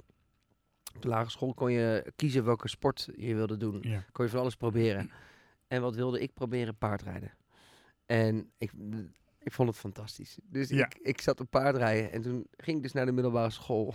en dan zat ik ook nog eens echt op een beetje zo'n Johnny en Anita school. Ja. En, eh, en ik was dus en de kleinste en ik had dus een, een schijningje, ik had een beugeltje. Ik was Joos getuige en ik zat op paardrijden. Ja, ik bedoel, weet je, hoe, hoe erg wil je het krijgen? ja. Maar heb je daar dan echt tegen moeten knokken? Ja, ik heb wel, ja. Dat, wel- ja. Is dat belangrijke vorming voor je geweest tot wa- wat je nu bent geworden? Dat denk ik wel, ja. ja. Ik denk, eh, ehm, het, je moet wel fucking, ja, je moet, wordt gewoon wel heel sterk van of zo. Je moet wel, je krijgt wel een hele dikke huid van. En eh, ik merk dat nu nog steeds om me heen. Als je, weet je, ik, ik hoor van andere presentatoren om me heen, die kijken niet eens meer op internet, op social media. En weet je, bang om dingen te lezen waarin er wat wordt gezegd over ze en zo. Ik heb daar wel echt scheid aan, weet je, nu. Maar dat, dat, dat, dat heeft wel, dat is wel een hele, op een hele pijnlijke, lange manier is dat geweest. Waardoor ik daar wel meer maling aan kreeg. Hoe ging dat concreet dan? Nou ja, ik, ben, ja, ik werd wel gewoon echt heel veel gepest. Ik durfde echt gewoon niet eh, door de gangen te lopen. Ehm, als het school was. En ik zat ook nog eens een keer op zo'n Dalton school. Dus dat was dan, had je ook van die vrije uren. En dan kon je er zelf je tijden indelen. Dat betekende dat je heel vaak door de gang heen moest lopen. Dus je zat niet de hele dag in één klaslokaal. En dat, en dat Eigenlijk wat de kracht van die school was, was voor jou waar je doodbang ja, van, ja, werd. weet je, als je dan ruzie had met bepaalde jongens en je wist altijd dat er een paar, er zaten altijd een paar gasten bij die ik gewoon, weet je, die ik liever eh, eh, niet tegenkwam in de gang. Ja, dan zag ik ze aankomen, dacht ik ook, kut, weet je wel. En dan probeerde je, of ik dook een lokaal in, of, eh, eh, ja, dus, ja, dat, dat, eh, dat heeft wel een paar jaar geduurd. En daarna weet ik wel dat ik naar de haven ging en toen kreeg ik er wel maling aan. Ja, en nu is het echt totaal tegenovergesteld. Je bent ineens een populaire tv-presentator. Mensen vinden je leuk. Is dat iets waar je op dat moment van droomde? nee, helemaal niet. Nee, ik heb echt nooit eh, geen seconde over gedacht om te pre- presenteren. Maar geen revanche gevoelens. Oh nee, maar dat wel. Ja, nee, maar dat, ja, nee, ik, Ja? ja? ik, sorry, maar dan ben ik wel inderdaad nog steeds een pestventje. Want ik weet nog wel op een gegeven moment, dat, dat was zelfs op het TV West, want dat was natuurlijk, TV West werd uitgezonden in Den Haag. En dat werd toen, eh, het programma wat ik deed werd heel populair, werd echt heel veel bekeken. Wat was het voor programma? Ja, Westpop. Dat was, mijn, was een jongere muziekprogramma. Ja. En, eh, en ik had een uh, Stennis met Dennis. En ik, ik, ik, ik had allemaal van die eh, stap-items, eh, stap in de regio en weet ik wat dan. Ja. Maar dat werd heel goed bekeken. En ik weet ook dat op een gegeven moment krijg je natuurlijk heel veel aandacht. Wat ik echt nooit gewend was. Eh, inderdaad, mensen vonden die leuk. En ik weet nog dat ik, dat, dat ik op een gegeven moment jongens tegenkwam van mijn middelbare school. En dat ik in een club stond en zo. En dan, dan schoot ze naar me toe. Hé, hey, kom Dennis, hey Dennis, hoe is het? En ik weet nog dat ik gewoon echt letterlijk tegen hem zei... Ga je nou ineens aardig doen? Denk je dat je nou nog tof vindt of zo? Hij zei, wat bedoel je? Ik zeg, of, weet je wel, en ik, ik had nog steeds die Hmm. boosheid naar die jongen toe. En eh, dat ik echt gewoon, dat, dus ik, dat, dat ik gewoon niet met hem wilde praten. Hij zei, joh, waren hartstikke jong. Ik zeg, nee ja, ik zeg, denk maar, dat- we zijn zo uit zijn we nu nog niet. Dus het zit nu nog veel te diep en je, nu vind je me tof. Ik zeg maar, eh, Maar had je echt ook nog een soort aandrang om die gozer dan gewoon te zijn bek ja. te, ge- te? Ja? Ja, ja. Er zijn er echt nog steeds een paar. Ik ben er nog wel eens een paar tegengekomen waar ik nog steeds niet aardig tegen kan Ja, van vocht je ook met die lui? Gewoon letterlijk? Nou ja, ik mocht natuurlijk niet vechten, maar ik, ik heb wel een paar keer gevochten, ja. Ik heb wel... ehm, maar ik moet, dat was ook wel echt uit verdediging, Ja. weet je wel. Ik moest echt... eh, en ik weet dat mijn vader... Mijn vader was geen Joost Tuigen. En, eh, en mijn vader kwam echt uit Den Haag. Ik uit de Schilderswijk. En mijn vader is een grote vent. En eh is echt een bul. En mijn vader, ken, eh, mijn vader die heeft 180 vechtverhalen. Ja. Dus die heeft me altijd uitgelegd hoe ik moest vechten. Want die zag wel, natuurlijk ook wel dat ik wat kleiner was. En, eh, Maar kan dat eigenlijk? Als je je moeder je hoofd getuige, nee, dat kon dus niet? natuurlijk niet. Nee, maar, maar ja, op een gegeven moment, mijn vader zei ook wel van ja, je moet jezelf wel kunnen verdedigen. Weet je wel, ik wil ook niet dat je jezelf eh, in elkaar laat slaan. En ik weet nog dat mijn vader altijd zei, eh, dan moet je je vuist zo doen, dan moet je je middelvinger moet je iets meer naar voren doen. Dan heb je hij zegt, en dan moet- je moet niet, moet niet staan blijven praten met duwen en dingen. En hij zegt, als iemand gaat lopen duwen, gelijk een klap geven en doorslaan tot hij op de grond ligt. Gewoon En uithalen. dat, en dat waren tips van mijn vader als mijn moeder er niet bij was natuurlijk. Wist ze dat ook? Eh, Nee, mijn niet moeder of- wist het. Maar mijn moeder wist het. Ik heb mijn ouders dit altijd. eh, mijn ouders wisten helemaal niet van dat, dat, dat ik het best wel heavy had. Op de Maar werkte het? Het werkte wel, ja. ja, ja. Ja, en op een gegeven moment was ik ook echt eh, klaar daarmee. Weet je, ik wilde gewoon niet meer over me heen laten lopen. Ja. Had je überhaupt een tv thuis? Ja, ja, we hadden al tv, maar we we hadden, ik weet nog wel dat iedereen altijd, eh, weet je, RTL 4 Uniek en dat soort dingen had. Maar we hadden gewoon wel in Nederland 1, 2 en 3. Maar dat was ook puur omdat mijn vader het onzin vond, al die andere zenders. Ja, Eh, maar mocht je wel je, nee, je mocht wel tv gewoon hebben? tv kijken, ja. Want wat is, er zijn, zeker in andere strenge geloofsgemeenschappen in Nederland, is dat totaal taboe. Ja, tv is van de duivel. Maar dat, dat was bij Jehovah's Nee. getuigen niet zo. Nee, we mochten wel tv kijken. Natuurlijk bepaalde dingen eh, niet, maar... eh, Ja. Wat vind je pa er eigenlijk van dat je nu bij de commerciële werkt? Eh, mijn vader vindt het hartstikke leuk. Ja, als, mijn- als mijn vader ligt, had, had ik bij de Tros gezeten. Ja, maar die vindt het allemaal onzin, zei je net. Eén- Nederland 1, 2 en 3, dat kon nog wel. Oh, zo, ja. Nee, onzin. nee, mijn vader is inmiddels natuurlijk ook wat, wat, wel wat, eh, wat ruimdenkender geworden. Nee, mijn vader is hartstikke trots, weet je. Die vindt het, eh vindt het onwijs lachen dat ik nog steeds... de, de- ja, die, die, die, die, die had sommige dingen anders gedaan. Mijn vader die had, wel, had mij het liefst bij de Tros geze- gezien. Ja. En, maar ja, ik, dat zou ik dus niet kunnen. Ik, zou niet, dat, ik kan niet een Nederland muziekfestival, weet je, muziekland presenteren. Jij? Waarom niet? Nee, joh man. Nee, dat is echt Anne Jan Smits en eh, dat is Volendam dingen. Dat, nee, dat, dat, eh, dat gaat me echt te ver. Dat, Dat ligt mezelf- gevoelig. Dan zou ik mezelf niet Dan gaat je underground de eh, Kijk, er zijn natuurlijk al bepaalde dingen die ik altijd doe in mijn leven waarvan ik dan op besef denk, oh Dan, weet je wel. Maar het is, er zijn wel, ik moet wel mijn grenzen trekken. Je moet je grenzen trekken. Daar moeten we Ja. zo meteen nog maar even over verder. Maar ik, ik, ik vind dit nog steeds eh, wel, wel, wel heel boeiend. Omdat Ja. Ehm, ik kan me... Ja, stappen met Dennis. Ik bedoel, ook als je wel tv mag kijken thuis... kan ik me voorstellen dat je moeder dat niet heel leuk vond dan. Nee, maar nou, mijn moeder vond het wel heel leuk. Maar mijn moeder vond het niet leuk dat ik zoveel dronk. Nee. En, eh, en ehm, ja, ik was eh, wel eh, gewoon echt... ik weet nog dat ik bij TV West begon te werken. En de TV West was echt wel een oudere zender. Hoe oud was je toen? 22. Ja. Ehm, echt een oudere zender. En eh, toen ik daar kwam werken, was ik echt... Het was echt... eh, die, de, de directeur van TVS wilde ook mij niet aannemen toen. Die vond mij veel te wild en ongepolijst. En te, eh, dus die kon, dat kon echt niet. En toen had ik ook, was ik ook nog wel... Zat ik echt nog wel een beetje in mijn punkachtige scene. Hoe wist hij dat je zo wild was? Nou ja, sowieso mijn uiterlijk. Toen had ik nog heel wild haar. En dan had ik Ja. zo'n rode, rode kam had ik. En ehm, rare kleding. En was veel te druk. En ik had wel eens een screentest gedaan. En dat vond hij, eh, iedereen vond het hartstikke goed. En ik weet nog dat Ron Vreesen, die nu bij het NOS-journaal werkt. Die, had, die wilde mij wel per se aannemen daarvoor. Maar die directeur toen niet. Ja, en toen uiteindelijk eh, is het zelfs zo ver gegaan dat die directeur niet meer die wilde mij. Er werd een soort conflict tussen die twee. En toen hebben ze me in moeten, schakelen, eh, in moeten huren bij een. hoe heet het nou, een castingbureau. Ik moet het moeten laten inschrijven, zodat ze me zonder toestemming van de directeur wel Ja, ja. konden aannemen. Ja. En eh, toen kwam ik daar en ik weet wel dat ik toen eh stap in de regio deed. Dus dan ging ik stappen in Zoetermeer. En eh, we deden altijd een begin in het bord van Zoetermeer. En dat eindigde ook na het stappen, bij, moesten bij zo'n bord eindigen. Maar toen weet ik nog, had ik al heel veel gedronken. En we zaten zo, waren op zoek naar het bord, konden we niet vinden. En toen ik onwijs naar de pissen. En toen kwamen we er eindelijk aan bij dat bord. En toen rende ik naar dat bord toe. En dat was de enige plek waar ik tegenaan kon plassen. En toen kwam de camera gelijk bovenop. En toen moest ik mijn afkondiging doen. En dat werd zo uitgezonden. Ja.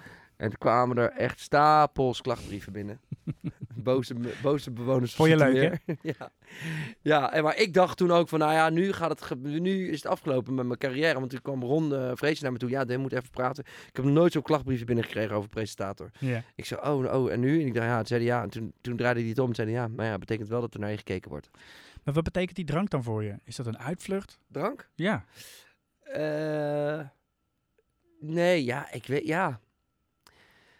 Drank en niks, ja, zijn gewoon goede vrienden. Ik weet niet, dit is gewoon... Ja, de- goede vrienden altijd? Nou, nee, niet altijd goede vrienden, nee. Nee, nee, nee, want dat, kan, dat moet ik ook niet zo zeggen. Want het, het ligt natuurlijk wel heel erg op de loer dat, het, dat je erin doorslaat. En dat je... Ik bedoel, ik heb ook wel eens vaak... Nee, nee, goede vrienden zou ik ook eigenlijk niet zeggen, nee. Want het, ik heb er ook heel vaak eh, dingen mee verpest. Wat bijvoorbeeld? Eh, nou ja, ik, ik heb wel. Ehm, nou ja, dat is een gebeuren. Nou ja, ik verpest. Ik heb wel vaak een kater. Weet je wel? Maar. eh, en, en ja. Dat hebben we allemaal wel eens. Ja, maar ja. Maar ik, Dat is niet hetzelfde. Nee, ik heb wel echt wel, echt wel eens vaak kater gehad dat je echt gewoon bij- bijna niks meer kon bedenken. Mijn eerste, dit is wel een grappig verhaal. Mijn eerste keer bij TV West dat ik een, eh, een special kreeg, dat ik mijn eerste eigen programma helemaal mocht presenteren. Daar, daarvoor maakte ik alleen maar de korte reportages. Eh, dat was toen eh, Kane en ehm, Billy the Kid, was de andere Haagse rockband van toen. eh, die wilde een interview doen met, met TV West, maar dan moest ik het interview doen. Want Edwin Jansen, toen ook de manager van Kane en Anouk toen de tijd, die belde op naar de redactie en zei, ja, Kane wil een interview doen, maar Dennis Wening moet presenteren, want dat, hij wordt een nieuwe Eddie Zoe, zei hij. Ja. en ik dacht, oké. Arme Eddie Zoe. Arme Eddie zo, ja, ja, het is wel gewoon waar. En, eh, en toen eh, eh, weet ik nog dat ik er zo'n maling aan had, dat ik gewoon dacht van, oh, Kane, eh, Billy the Kid, weet je. Het was toen niet mijn favoriete band. En het was op dinsdagmiddag om half twee. En ik ben op maandagavond, de avond ervoor, fucking maandagavond, wat echt geen hol te doen is in Den Haag, ben ik de kroeg ingegaan. Tot heel laat. En toen had ik zo mega kater, dat Dinant daar zat met Billy the Kid, mijn allereerste TV West special. En iedereen vroeg zich af, hoe krijg je het voor elkaar om dan op maandagavond nog wat te gaan doen? En toen ging ik, eh, ik, dus ik stelde Dinant en eh, die Ricardo, die, zat, die vro- vroegen mij, gingen- of het interview begon en ik zei, hey jongens, hoe gaat het? En hun zeiden, ja goed, goed. Ze lieten het echt doodvallen voor je. Ja, maar ze dachten, oké, nu, nu gaan we beginnen. En, toen, Ja. en ik kon gewoon geen vraag bedenken. Ik had zo, mijn hoofd was gewoon één. Ik zag mezelf ook terug, ik had een rode kop, jongen. En toen zei Dina tegen mij, ga je nog wat vragen? Ik zei, ja, ik, ik weet het niet, man. en Dina zegt, wat bedoel je? Ik zei, ja, ik heb zo'n kater. En hij zei, je hebt een kater. En nou, Dina was toch echt wel iemand met statuur, weet je wel, zeker in Den Haag. En ik zei, hij zo, "Ja, eh, kater, hoe kan dat nou? Hij zegt, dit is dinsdagmiddag, half twee. Ik zei, ja. Hij zegt, ga je dan op maandagavond nog de stad in? Ik zo, ja. Ja, ik ben naar de Gabors gegaan. Dat is echt feestfout kroeg ook van Den Haag. Ja. Hij zegt, dus jij gaat de dag voordat je voor het eerst je eigen TV special mag doen met ons. En Ja. wij hebben jou speciaal aangevraagd. Ga jij nog zuipen? En heb, zit je nu met de kater kan je geen vraag bedenken? Ik zo, ja. Klopt wel, ja. Dus het was de- ben je, ja, ben, je, ben je dan gevoelig ook voor verslaving? Ehm, nou ja. Ik weet niet. Ik, ik denk, eh, ik, ik, ben, ik ben absoluut niet verslaafd. Want ik drink ook niet elke dag. En ook met drugs, weet je, heb ik ook nooit eh, de behoefte gehad. Ik ben nooit erin doorgeslagen dat ik, eh, dat ik het nodig had. Of weet ik wat. Dat heb ik nog nooit gehad. Dus het is wel voor mij altijd puur entertainment. Maar het is bij mij wel, zeg maar, dat ik op het moment dat ik voel dat ik aanga. En dat, en dat rellen, dat, dat, dat is het dan ook. Ik wil mezelf constant kijken hoe ver ik kan gaan. Dus net als dat ik dan die TV West special krijg. Ik denk dat ik eigenlijk achteraf dat ik het zelf zo eng vind. Dat, ik, dat, ik dat, dat mensen ineens in mij geloven. Dat ik ineens een echt beroemd kan worden en sterk kan worden. Dat ik mezelf dan nog, nog eens extra moeilijk ga maken door te denken... ah, ik heb scheid eraan, ik hoef niet beroemd te worden. En dan ga zuipen en dan met een kater daar gaat zitten. En dan kijken en dan kom ik er toch mee weg. En, en dit is een soort van mezelf constant in, in de- Dus niet alleen mensen lastig maken, maar ook mezelf. Destructief om jezelf te ontlasten?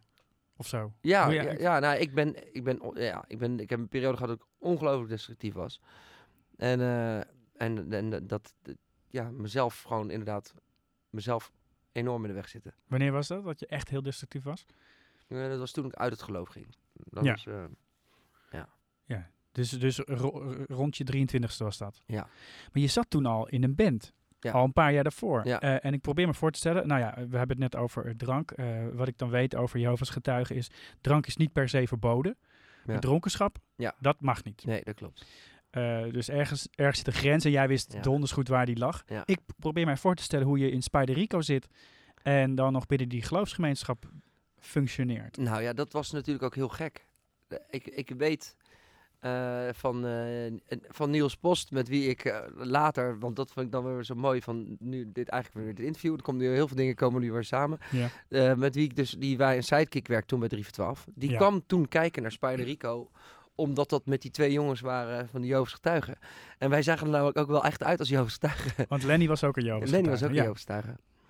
Dus wij waren, en, en als je die oude beelden ziet, jongen. we waren gewoon twee, nou, gewoon nette jochies, weet Ja? je. En, eh, maar echt, en ik weet nog dat wij in de, onze, aller, onze tweede show ooit was in de Blauwe Aanslag in Den Haag. Dat was een heel groot kraakpand. Echt, echt diehard punks met gewoon hanenkammen en dat Hoe soort was je? Ehm, was ik een jaar of ehm 18, 19? Ja. En, eh, en wij, wij, wij kwamen in de Blauwe Aanslag aan. En ik weet dat al die punkers zaten binnen. Was een soort festival. Al die punkers gingen naar buiten. Omdat toen wij gingen soundchecken dingen, dachten we, wat, wat, is, wat is dit nou weer? Maar eh de jongen die ons had geboekt, Guy Tavares, ook van Motorwolf Records. die, die had ons gezien, die vond het fantastisch. Maar die, maar die, ja, achteraf bedacht ik natuurlijk, ja, we waren gewoon een soort freakshow natuurlijk. Dat vond hij eigenlijk eh, juist grappig. Ja, weet je wel, want wij waren en Joost Stuigen en we maakten de grootste teringherrie ooit. Ja. Dus, dus, we, de- wij, wij, dus wij stonden in die blauwe aanslag en ik weet nog dat wij begonnen met spelen. En het was... En, Ja, ja. en die punkers kwamen er binnen. En die dachten, wat gebeurt er hier nou, joh? Ja. En, eh, en, toen, eh, eh, en toen vonden ze het allemaal tof. Want toen ging het ook helemaal los. Maar dat was ook gewoon omdat het gewoon, weet je, het was zo'n rare, onwerkelijke ervaring. En ik, en ik snap het heel goed als je, als je nu die beelden kijkt. En ze, ik zou, als Zijn daar nu, beelden van? Er zijn ergens nog wel beelden van, een VS-band, ja. Ja, ja ik, eh, ik, ik, ik denk zeg maar nu, het, het verhaal zou nu, denk ik, als, ze, als het op jouw bureau zou komen. Een, een beetje, twee jongetjes van 18 die teringherrie maken en die wel jouw stuig zijn. Dan zou dat natuurlijk gelijk een goede reden zijn om erover te schrijven en te interviewen. En, eh, Ja. Maar daar was je niet van bewust. Nee, nee, nee, nee, helemaal niet. Nee. Maar nu achteraf denk ik, ja, dat was natuurlijk wel gek, ja. Ja. Eh, maar, eh, schreef je dan ook teksten die daarover gingen? Over het geloof? Of dat helemaal niet? Nee, nee, ja, want je, zegt, je, je, je- schreef wel een nummer toen je eh, ging scheiden. Toen Ja. maakte je daar Ja. een, een nummer over dat heel belangrijk voor je was. Nee, wij schreven, ik weet nog wel dat wij liedjes schreven juist over, hoe over seks en zo. Ja. Maar dat we dat, en dat we dat nog nooit hadden gehad. oh, die hele schattige teksten. We hebben zo, maar het was ook wel heel grappig. En we hadden ook, we hadden een liedje, eh, de, de- we hadden een liedje, dat heette de Tik Song. En eh, dat ging, eh, dat is een van de eerste liedjes die wij schreven. En dat ging over dat Len, Len, Lennon mij ophaalde toen van het station. Hij woonde toen in Bleskensgraaf, een heel klein dorpje. En we fietsen toen van, van het station naar zijn huis. En wij kwamen thuis bij hem op zijn zolderkamertje. Gingen we het liedje schrijven. En toen zat er een teken met been. En toen zei hij, "Wacht, we zetten de recorder aan. En toen hebben we het hele gesprek over hoe we die teken uit op mijn been hebben gehaald. Ja. Hebben we vertaald en hebben we een liedje van geschreven. Dat werd de Tick Song. There's a tick in my leg, but I still rock. Until he's dead, he sucked my blood. I got his body, I got his soul. A tick in my leg, that's rock and roll. ik weet het nog. Ja, je, zegt net liedjes over seks, terwijl je dat nog nooit hebt gehad. Nee, ja. Je, je hebt laatst ergens in een interview gezegd dat je nooit een programma over seks of drugs zou willen maken. Ja. Waarom eigenlijk niet? Omdat ik me er toch nog steeds ongemakkelijk bij voel. Ja? Ja. Waarom? Maar dat komt, maar dat komt misschien ook wel door mijn opvoeding. Ja, dat weet ik wel zeker eigenlijk. Mijn, ehm, maar, en, en ik, vind het, ik vind het ook banaal altijd gewoon. Ik vind, het- ik vind het altijd heel moeilijk gewoon nog steeds over te praten. Als, als ik soms Nicolette Kluiver eh Sex Academy zie doen, ik kan er ook echt niet naar kijken. Misschien een intellectueel programma over seks. Nee, ook, ook niet. Maar Ik ben daar toch... Ik weet, voor MTV heb ik toen... eh deden we het programma Roll the Dice. En dan kon een jongen... eh, mocht iedereen een wens in vervulling zien gaan. En die jongen die wilde een keer een pornofilm regisseren. En toen ging ik mee op die pornoset. Ja. Ja, ik, eh, dat voel ik me er toch ongemakkelijk bij of zo. Ik weet niet. Ik, ik weet dat het heel kneuterig klinkt en zo. Dat is Maar, toch juist de uitdaging dan op dat moment? Want ja, dat iedereen, weet ik ook. En iedereen toen- voelt zich toch ongemakkelijk op Ja. een porno set, lijkt mij. Ja, ja, nee, dat, nee, tuurlijk. Ja, wie, joh, ik denk ook niet dat je inderdaad daar eh, heel erg relaxed zit. Maar ik, ik, maar ik dacht wel toen op dat moment van... Oké, ja, dit is gewoon echt niet mijn... eh, ja, ik vind het nog steeds moeilijk. Maar seks is toch minder banaal dan eh, pak een beet iemand die graag stoepkrijt eet? Je hebt Eh. een programma gemaakt over bizarre eters. Oh ja, maar dat zit er niet, die, zit er niet in trouwens. Hoor. Nee, maar eh, dat soort Nou dingen- ja, kijk, ja dat, dat weet ik niet. Want ik vind eh, dat bizarre eters is wel een echt probleem. Het, is niet, niet, het gaat niet op sensatie. Er zijn echt mensen die gewoon niks vreten. En die heel ziek zijn daardoor. Weet je, dus dat vind ik dan wel wat anders dan mensen die een soort curio curiositeit eh, kabinet. Weet je, dat is het niet. Je zou eigenlijk zeggen dat jij met je profiel, hè, dat, eh, de- dat etterige en zo, Mm. perfecte BNN-figuur. maar dit houdt je dan dus tegen? Eh, ja, Gek eigenlijk. ja, ja. Nee, maar ik, ik ben ook niet eh, van het schoppen om het schoppen. En dat heb ik soms wel eens het gevoel bij BNN. Eh, ik vind BNN maakt ook hele toffe programma's hoor. En ik ben, eh, ik heb, ben wel eens op gesprek geweest ook bij BNN. Ehm, maar toch, waar houdt mij dat? Ja, ik zie mij niet spuiten en slikken presenteren. En ik zag Jan Verstegen ook een keer met zijn item. Met, eh, over hoe homo's het nou doen. En dan, dan waren, die, twee- waren die gasten waar elkaar even van achteraan nemen. Terwijl hij nog even presentatietekst aan het opnemen was. Ja, ik hoef dat gewoon niet te doen. Weet je, dat is gewoon niet. eh, Nou ja, ik ben ook inmiddels. Ik heb ik al zeggen. Ik begon om mijn 22e. Ja. Weet je, en toen de tijd had ik er misschien nog wel. Weet je wel, had ik er misschien nog wel een, met een soort onsch- onschuldigheid en een soort naïviteit in meegegaan. En, maar ik ben er nu natuurlijk. want Dit is eigenlijk. Ik doe, presenteer al 16 jaar. En voor veel mensen is het pas van de laatste jaren, maar het is al lang. Ik vind het toch grappig om te merken dat daar zo'n zo- zo'n duidelijke grens in jouw hoofd zit, kennelijk. Want ehm, Je hebt eh, Wipeout. eh, dat is gewoon even lekkere rouwdouw entertainment. Een grotere commerciële dansshow. Mhm. Eh, het lijkt als wel alsof je gewoon alles doet. Maar dat is dus niet zo. Nee. Nee, nee, dat zeker niet. Nee, kijk, ik, je moet wel concessies doen. Eh, je kan niet... eh, toen bij RTL 5 ging werken, zeg maar. eh, het, eerste, het eerste programma werd, werd eerst deed ik Wipeout. En toen kwamen ze met een programma aan RootTube. Nee, eerst een ander programma ging over de beste commercial van de hele wereld. En toen dacht ik, ja, ik ga niet een soort Hans Kraaij junior hierachtig uh, reclamefilmpjes zitten, weet je wel. Dus Ja. toen heb ik nee gezegd, maar toen had ik nog geen contract.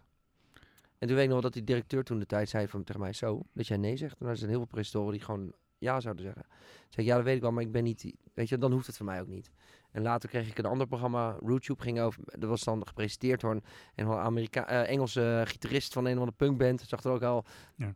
Toen dacht ik, oké, dan zei ik wel, ik, ik doe die, maar dan wil ik daarna wel echt een goede show krijgen. En dat was zoiets. Maar op het moment dat er, op het moment dat er, er iemand met een format bij jou aankomt over eh, met eh, blinden de Kilimanjaro eh, beklimmen, dan moet je toch ook lachen. Dan Ja, denk je toch in tuurlijk. eerste instantie denk je dan toch ook van, Ja. kan ik niet serieus nemen? Of? Nee, natuurlijk, dat was ook helemaal niet zo. Want ik dacht ook echt dat het grap was. En ik eerst dacht, waar gaat het nou over? Dat is belachelijk, slaat, slaat nergens op. Ja. En later dacht ik erover, nou, en toen ik erover, en dan ga je erover praten en dan ga je over denken. En dan merk je dat enthousiasme van die blinde mensen. En dan denk je toch, ja, dit, zij willen het, ze willen het Ja. gewoon echt. hey, wat verwijt je je ouders?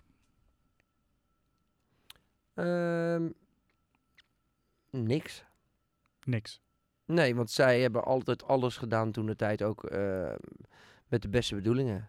En, en natuurlijk zijn er dingen die je achteraf eh, anders had willen zien. Of we denken van ja, dat had ik, weet je wel. eh, maar er zijn ook dingen die, ja, weet je, dat, de tijden zijn ook gewoon veranderd. Dus Maar neem je iets mee vanuit jouw eh, toch wel heel specifieke opvoeding richting bijvoorbeeld de kinderen die je nu zelf aan het opvoeden bent? Mm, nou ja, ik probeer ze wel, mor- eh, wel natuurlijk wel een, een moraal mee te geven. Maar het is niet zo. ehm, ik heb het niet over God of zo thuis. Je leest niet uit de Bijbel. voor Nee. Nee, dus dat, ik, dat, we zijn echt niet, we zijn niet gelovig. Nee. Dus, eh, en dat, dat vind ik dan wel grappig om te merken bij Coco. Die vraagt zich dan wel eens af van, ja, hoe zit het eigenlijk met God? En dan, ik, het is ook niet dat, ik kan er niet ook zo meer over praten. Het is wel voor mij zo'n soort afgesloten hoofdstuk of zo. Ze, ze- ze zitten ook op een openbare school. Ja. ja. Want er zijn ook mensen die het niet zoveel uitmaakt en die dan maar hun kinderen op een christelijke school doen. Terwijl dat ze misschien zelf niet eens geloven, maar dat is wel een bewuste keuze van je geweest dan om dan een openbare school te kiezen. Ja, ik zou, ik zou ze niet op een eh, christelijke school. Ja. Hoe was het eigenlijk voor jou om al zo jong, terwijl je hele, je hele losgaan en alles eh, nog moest gebeuren, eh, om al zo jong al vader te zijn? Ehm, nou ja, dat was schrikken natuurlijk. in de eerste instantie. Nou, schrikken. Nou ja, schrikken, dat, dat was niet gepland. Hm. Dus, en wij waren al uit elkaar. Ik en, eh, dus dat, was, ja, dat maakte het allemaal niet, eh, niet eh, zo gemakkelijk. Maar ja, weet je, ik- ben wel, ik ben wel altijd iemand die overal maar positief er tegenaan gaat. En iets moois van probeert te maken. Dus het was, een, een, was gewoon een hele leuke verrassing. En, en weet je het was... maar het was niet ideaal. Ja, je hoopt natuurlijk dat je, wat, dat je zoiets krijgt natuurlijk wanneer je er echt aan toe bent en klaar voor Maar je had geen fatsoenlijke seksuele voorlichting gekregen als uh, Jehovah's getuige. Nee. Nou ja, de... de dus, dus, nou ja, jawel. Ik ga je maar Toch ging het mis. Ja, ja, ja, ja, ja, ja, precies. Ik wil het niet eens weten. Nee. Eh, als je nu, eh, ja, je hebt, eh, je, je, ja, je oudste dochter, zie- spreek je die eigenlijk veel nog? Want dat is natuurlijk allemaal, dat is natuurlijk wel misgegaan. Eh, ja, ik spreek er niet zo vaak als ik, eh, als ik zou willen. Dat is inmiddels een bijna volwassen persoon. Is 12, ja. Ja, Dus, eh, maar ja, ja, het komt wel. het komt wel. Ja. Ja, is het zo? Het komt niet vanzelf, toch? Nee, maar ja, goed, soms dan, ja, weet je, het is niet een ideale situatie waarin we nu zitten, maar we weten allebei wel dat we van elkaar houden en dat het gewoon nu even lastig is, maar ik geloof er wel in dat het wel weer goed komt. Maar heeft die geloofskwestie daar dan ook, speelt dat er, daar nog een rol in? Want, ik, want jouw toenmalige vrouw was, neem ik aan, ook Jehovah's getuige. Eh, ja. Ja, maar dat, dat speelt wel een rol, maar dat wil ik niet ver op ingaan. Dan is dat ligt allemaal nog veel te gevoelig aan dingen en ik wil niemand daarmee, eh, tegen het hoofd stoten. Nog veel, te- maar het is toch al, dat is toch al, hoe lang? Ja, Tien- nee, maar weet ik wel. Maar zij, ja, weet ik wel. Maar nu, mijn dochter is nu 12 en ik wil, ik wil het daar verder niet over hebben. En nu? Eh, want je, je, je bent nu eh, de grote man eh, bij al die, die grote shows. Slokt dat jou, jouw leven op? Ben je daar heel, eigenlijk het grootste deel van je tijd mee bezig? Nou, het, het valt wel mee. Die, die shows, ik had toen Zo je tien keer kunt dansen. Dat was eigenlijk een vrij korte... Je had een bootcamp en je had een, de opnamedagen. Maar die, daarnaast was er weer een periode dat je helemaal niks had. En die live shows waren alleen maar het weekend. Dus dan was ik door de week gewoon vrij. Dus dat viel wel mee. Maar ik heb nu dus dat bizarre eters en dan... eh, en dat zijn heel veel draaidagen. En dan zitten die, die kandidaten zitten door heel Nederland. Dus dan ben, ik- dan ben ik veel weg. En Robinson is natuurlijk een periode van zes weken dat ik weg ben. En, eh, en dat mijn vrouw en kinderen komen daar niet heen. Want dat, dat, is, die, het is gewoon te ver en daar is echt geen hol te doen. Waar is het eigenlijk? In de Filipijnen. Ja. Nou, prima. Ja, het prima, maar eh, mensen denken, dat vind ik altijd heel grappig. Mensen komen altijd naar me toe en zeggen, ja, oh, dat is zeker zo'n vijf sterren resort met een zwembad. En dat is het zeker niet. Het is een soort productiedorpje waar je zit, echt in the middle of nowhere. Het is twee dagen reis om daar te komen en er is geen zwembad en er, er is geen, eh, er is eigenlijk echt helemaal niks. Behalve 55 graden en, eh, en een eh, hele hete zee waar, waar heel veel giftige kwallen in zitten. Heb je dan heimwee naar Den Haag? Zeker. Ja, nee, tuurlijk. Nee, maar ik vind het ook altijd onwijs leuk om te doen. Je hebt echt, we nemen altijd op met drie landen. Je hebt Denemarken en Finland en, en Nederland. En, en dat is altijd heel leuk, maar het is echt een soort dorpje. Weet je, het is echt een soort dorpje waar je in zit.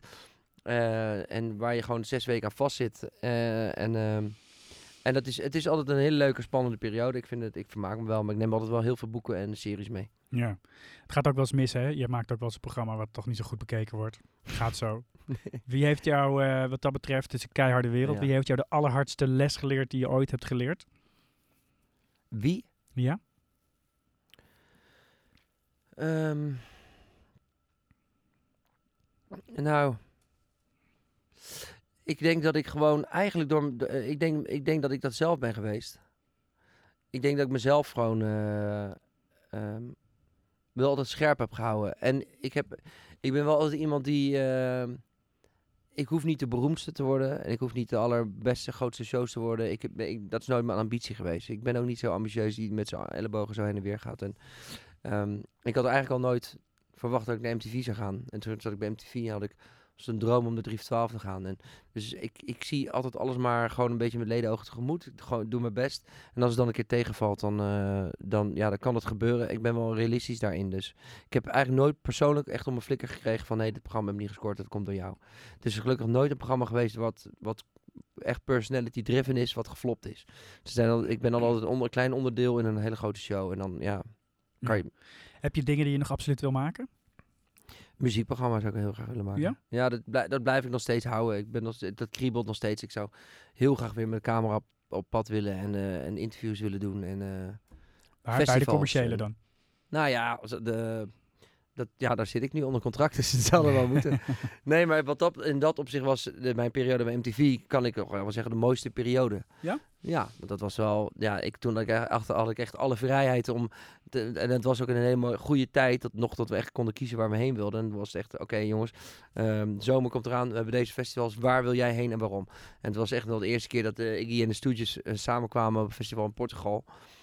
En, eh, en we, dus, dus ik daar naartoe kon ook. Gewoon, ja, ga, er maar heen om Iggy te interviewen, weet je wel. Ja, dat was natuurlijk, een, dat is die Een dromen. van je persoonlijke helden. Ja. Ja, Tot slot, eh, als je nou eh, een rode draad moet opnoemen in alles wat je hebt gedaan, van links naar rechts, van de commerciële tot, tot eh, diep in de underground, wat is dan de rode draad? Wat wil je bereiken? Ehm, eh, ja, ik, wil, ik zou bijna zeggen opgemerkt worden. Maar ja, aan de andere kant ook wel weer niet. Maar ehm, ik denk toch gewoon- dat gewoon de, de, de kracht van, van, mezelf, dat, van, van, van mijzelf zijn. Dat, op de een of andere manier heeft me toch gewoon zo ver gebracht. En het is zo'n cliché van geloof in jezelf en wees jezelf. En, maar ik, ik weet dat ik dat echt ben. En ik geloof dat echtheid, dat die echtheid dat het mij eh, het verst heeft gebracht. Nou, opvallen en toch ook weer niet.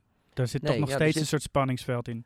Ja, ja dat, is, dat is ook nog steeds zo. Want ik voel mezelf ook nu nog bij de commerciële. Denk, ik, vind ik het nog steeds een soort gek dat ik er zit. Omdat ik mezelf ook niet, ik vind mezelf ook niet echt in het rijtje passen, zeg maar soms. Maar ik denk ook juist dat daardoor val ik wel weer op of zo. Dus, en daardoor vinden mensen me toch op een of andere manier leuk. Eh, omdat ik gewoon wel eigen ben. Haags. Haags. Zeker. Dankjewel. Graag gedaan.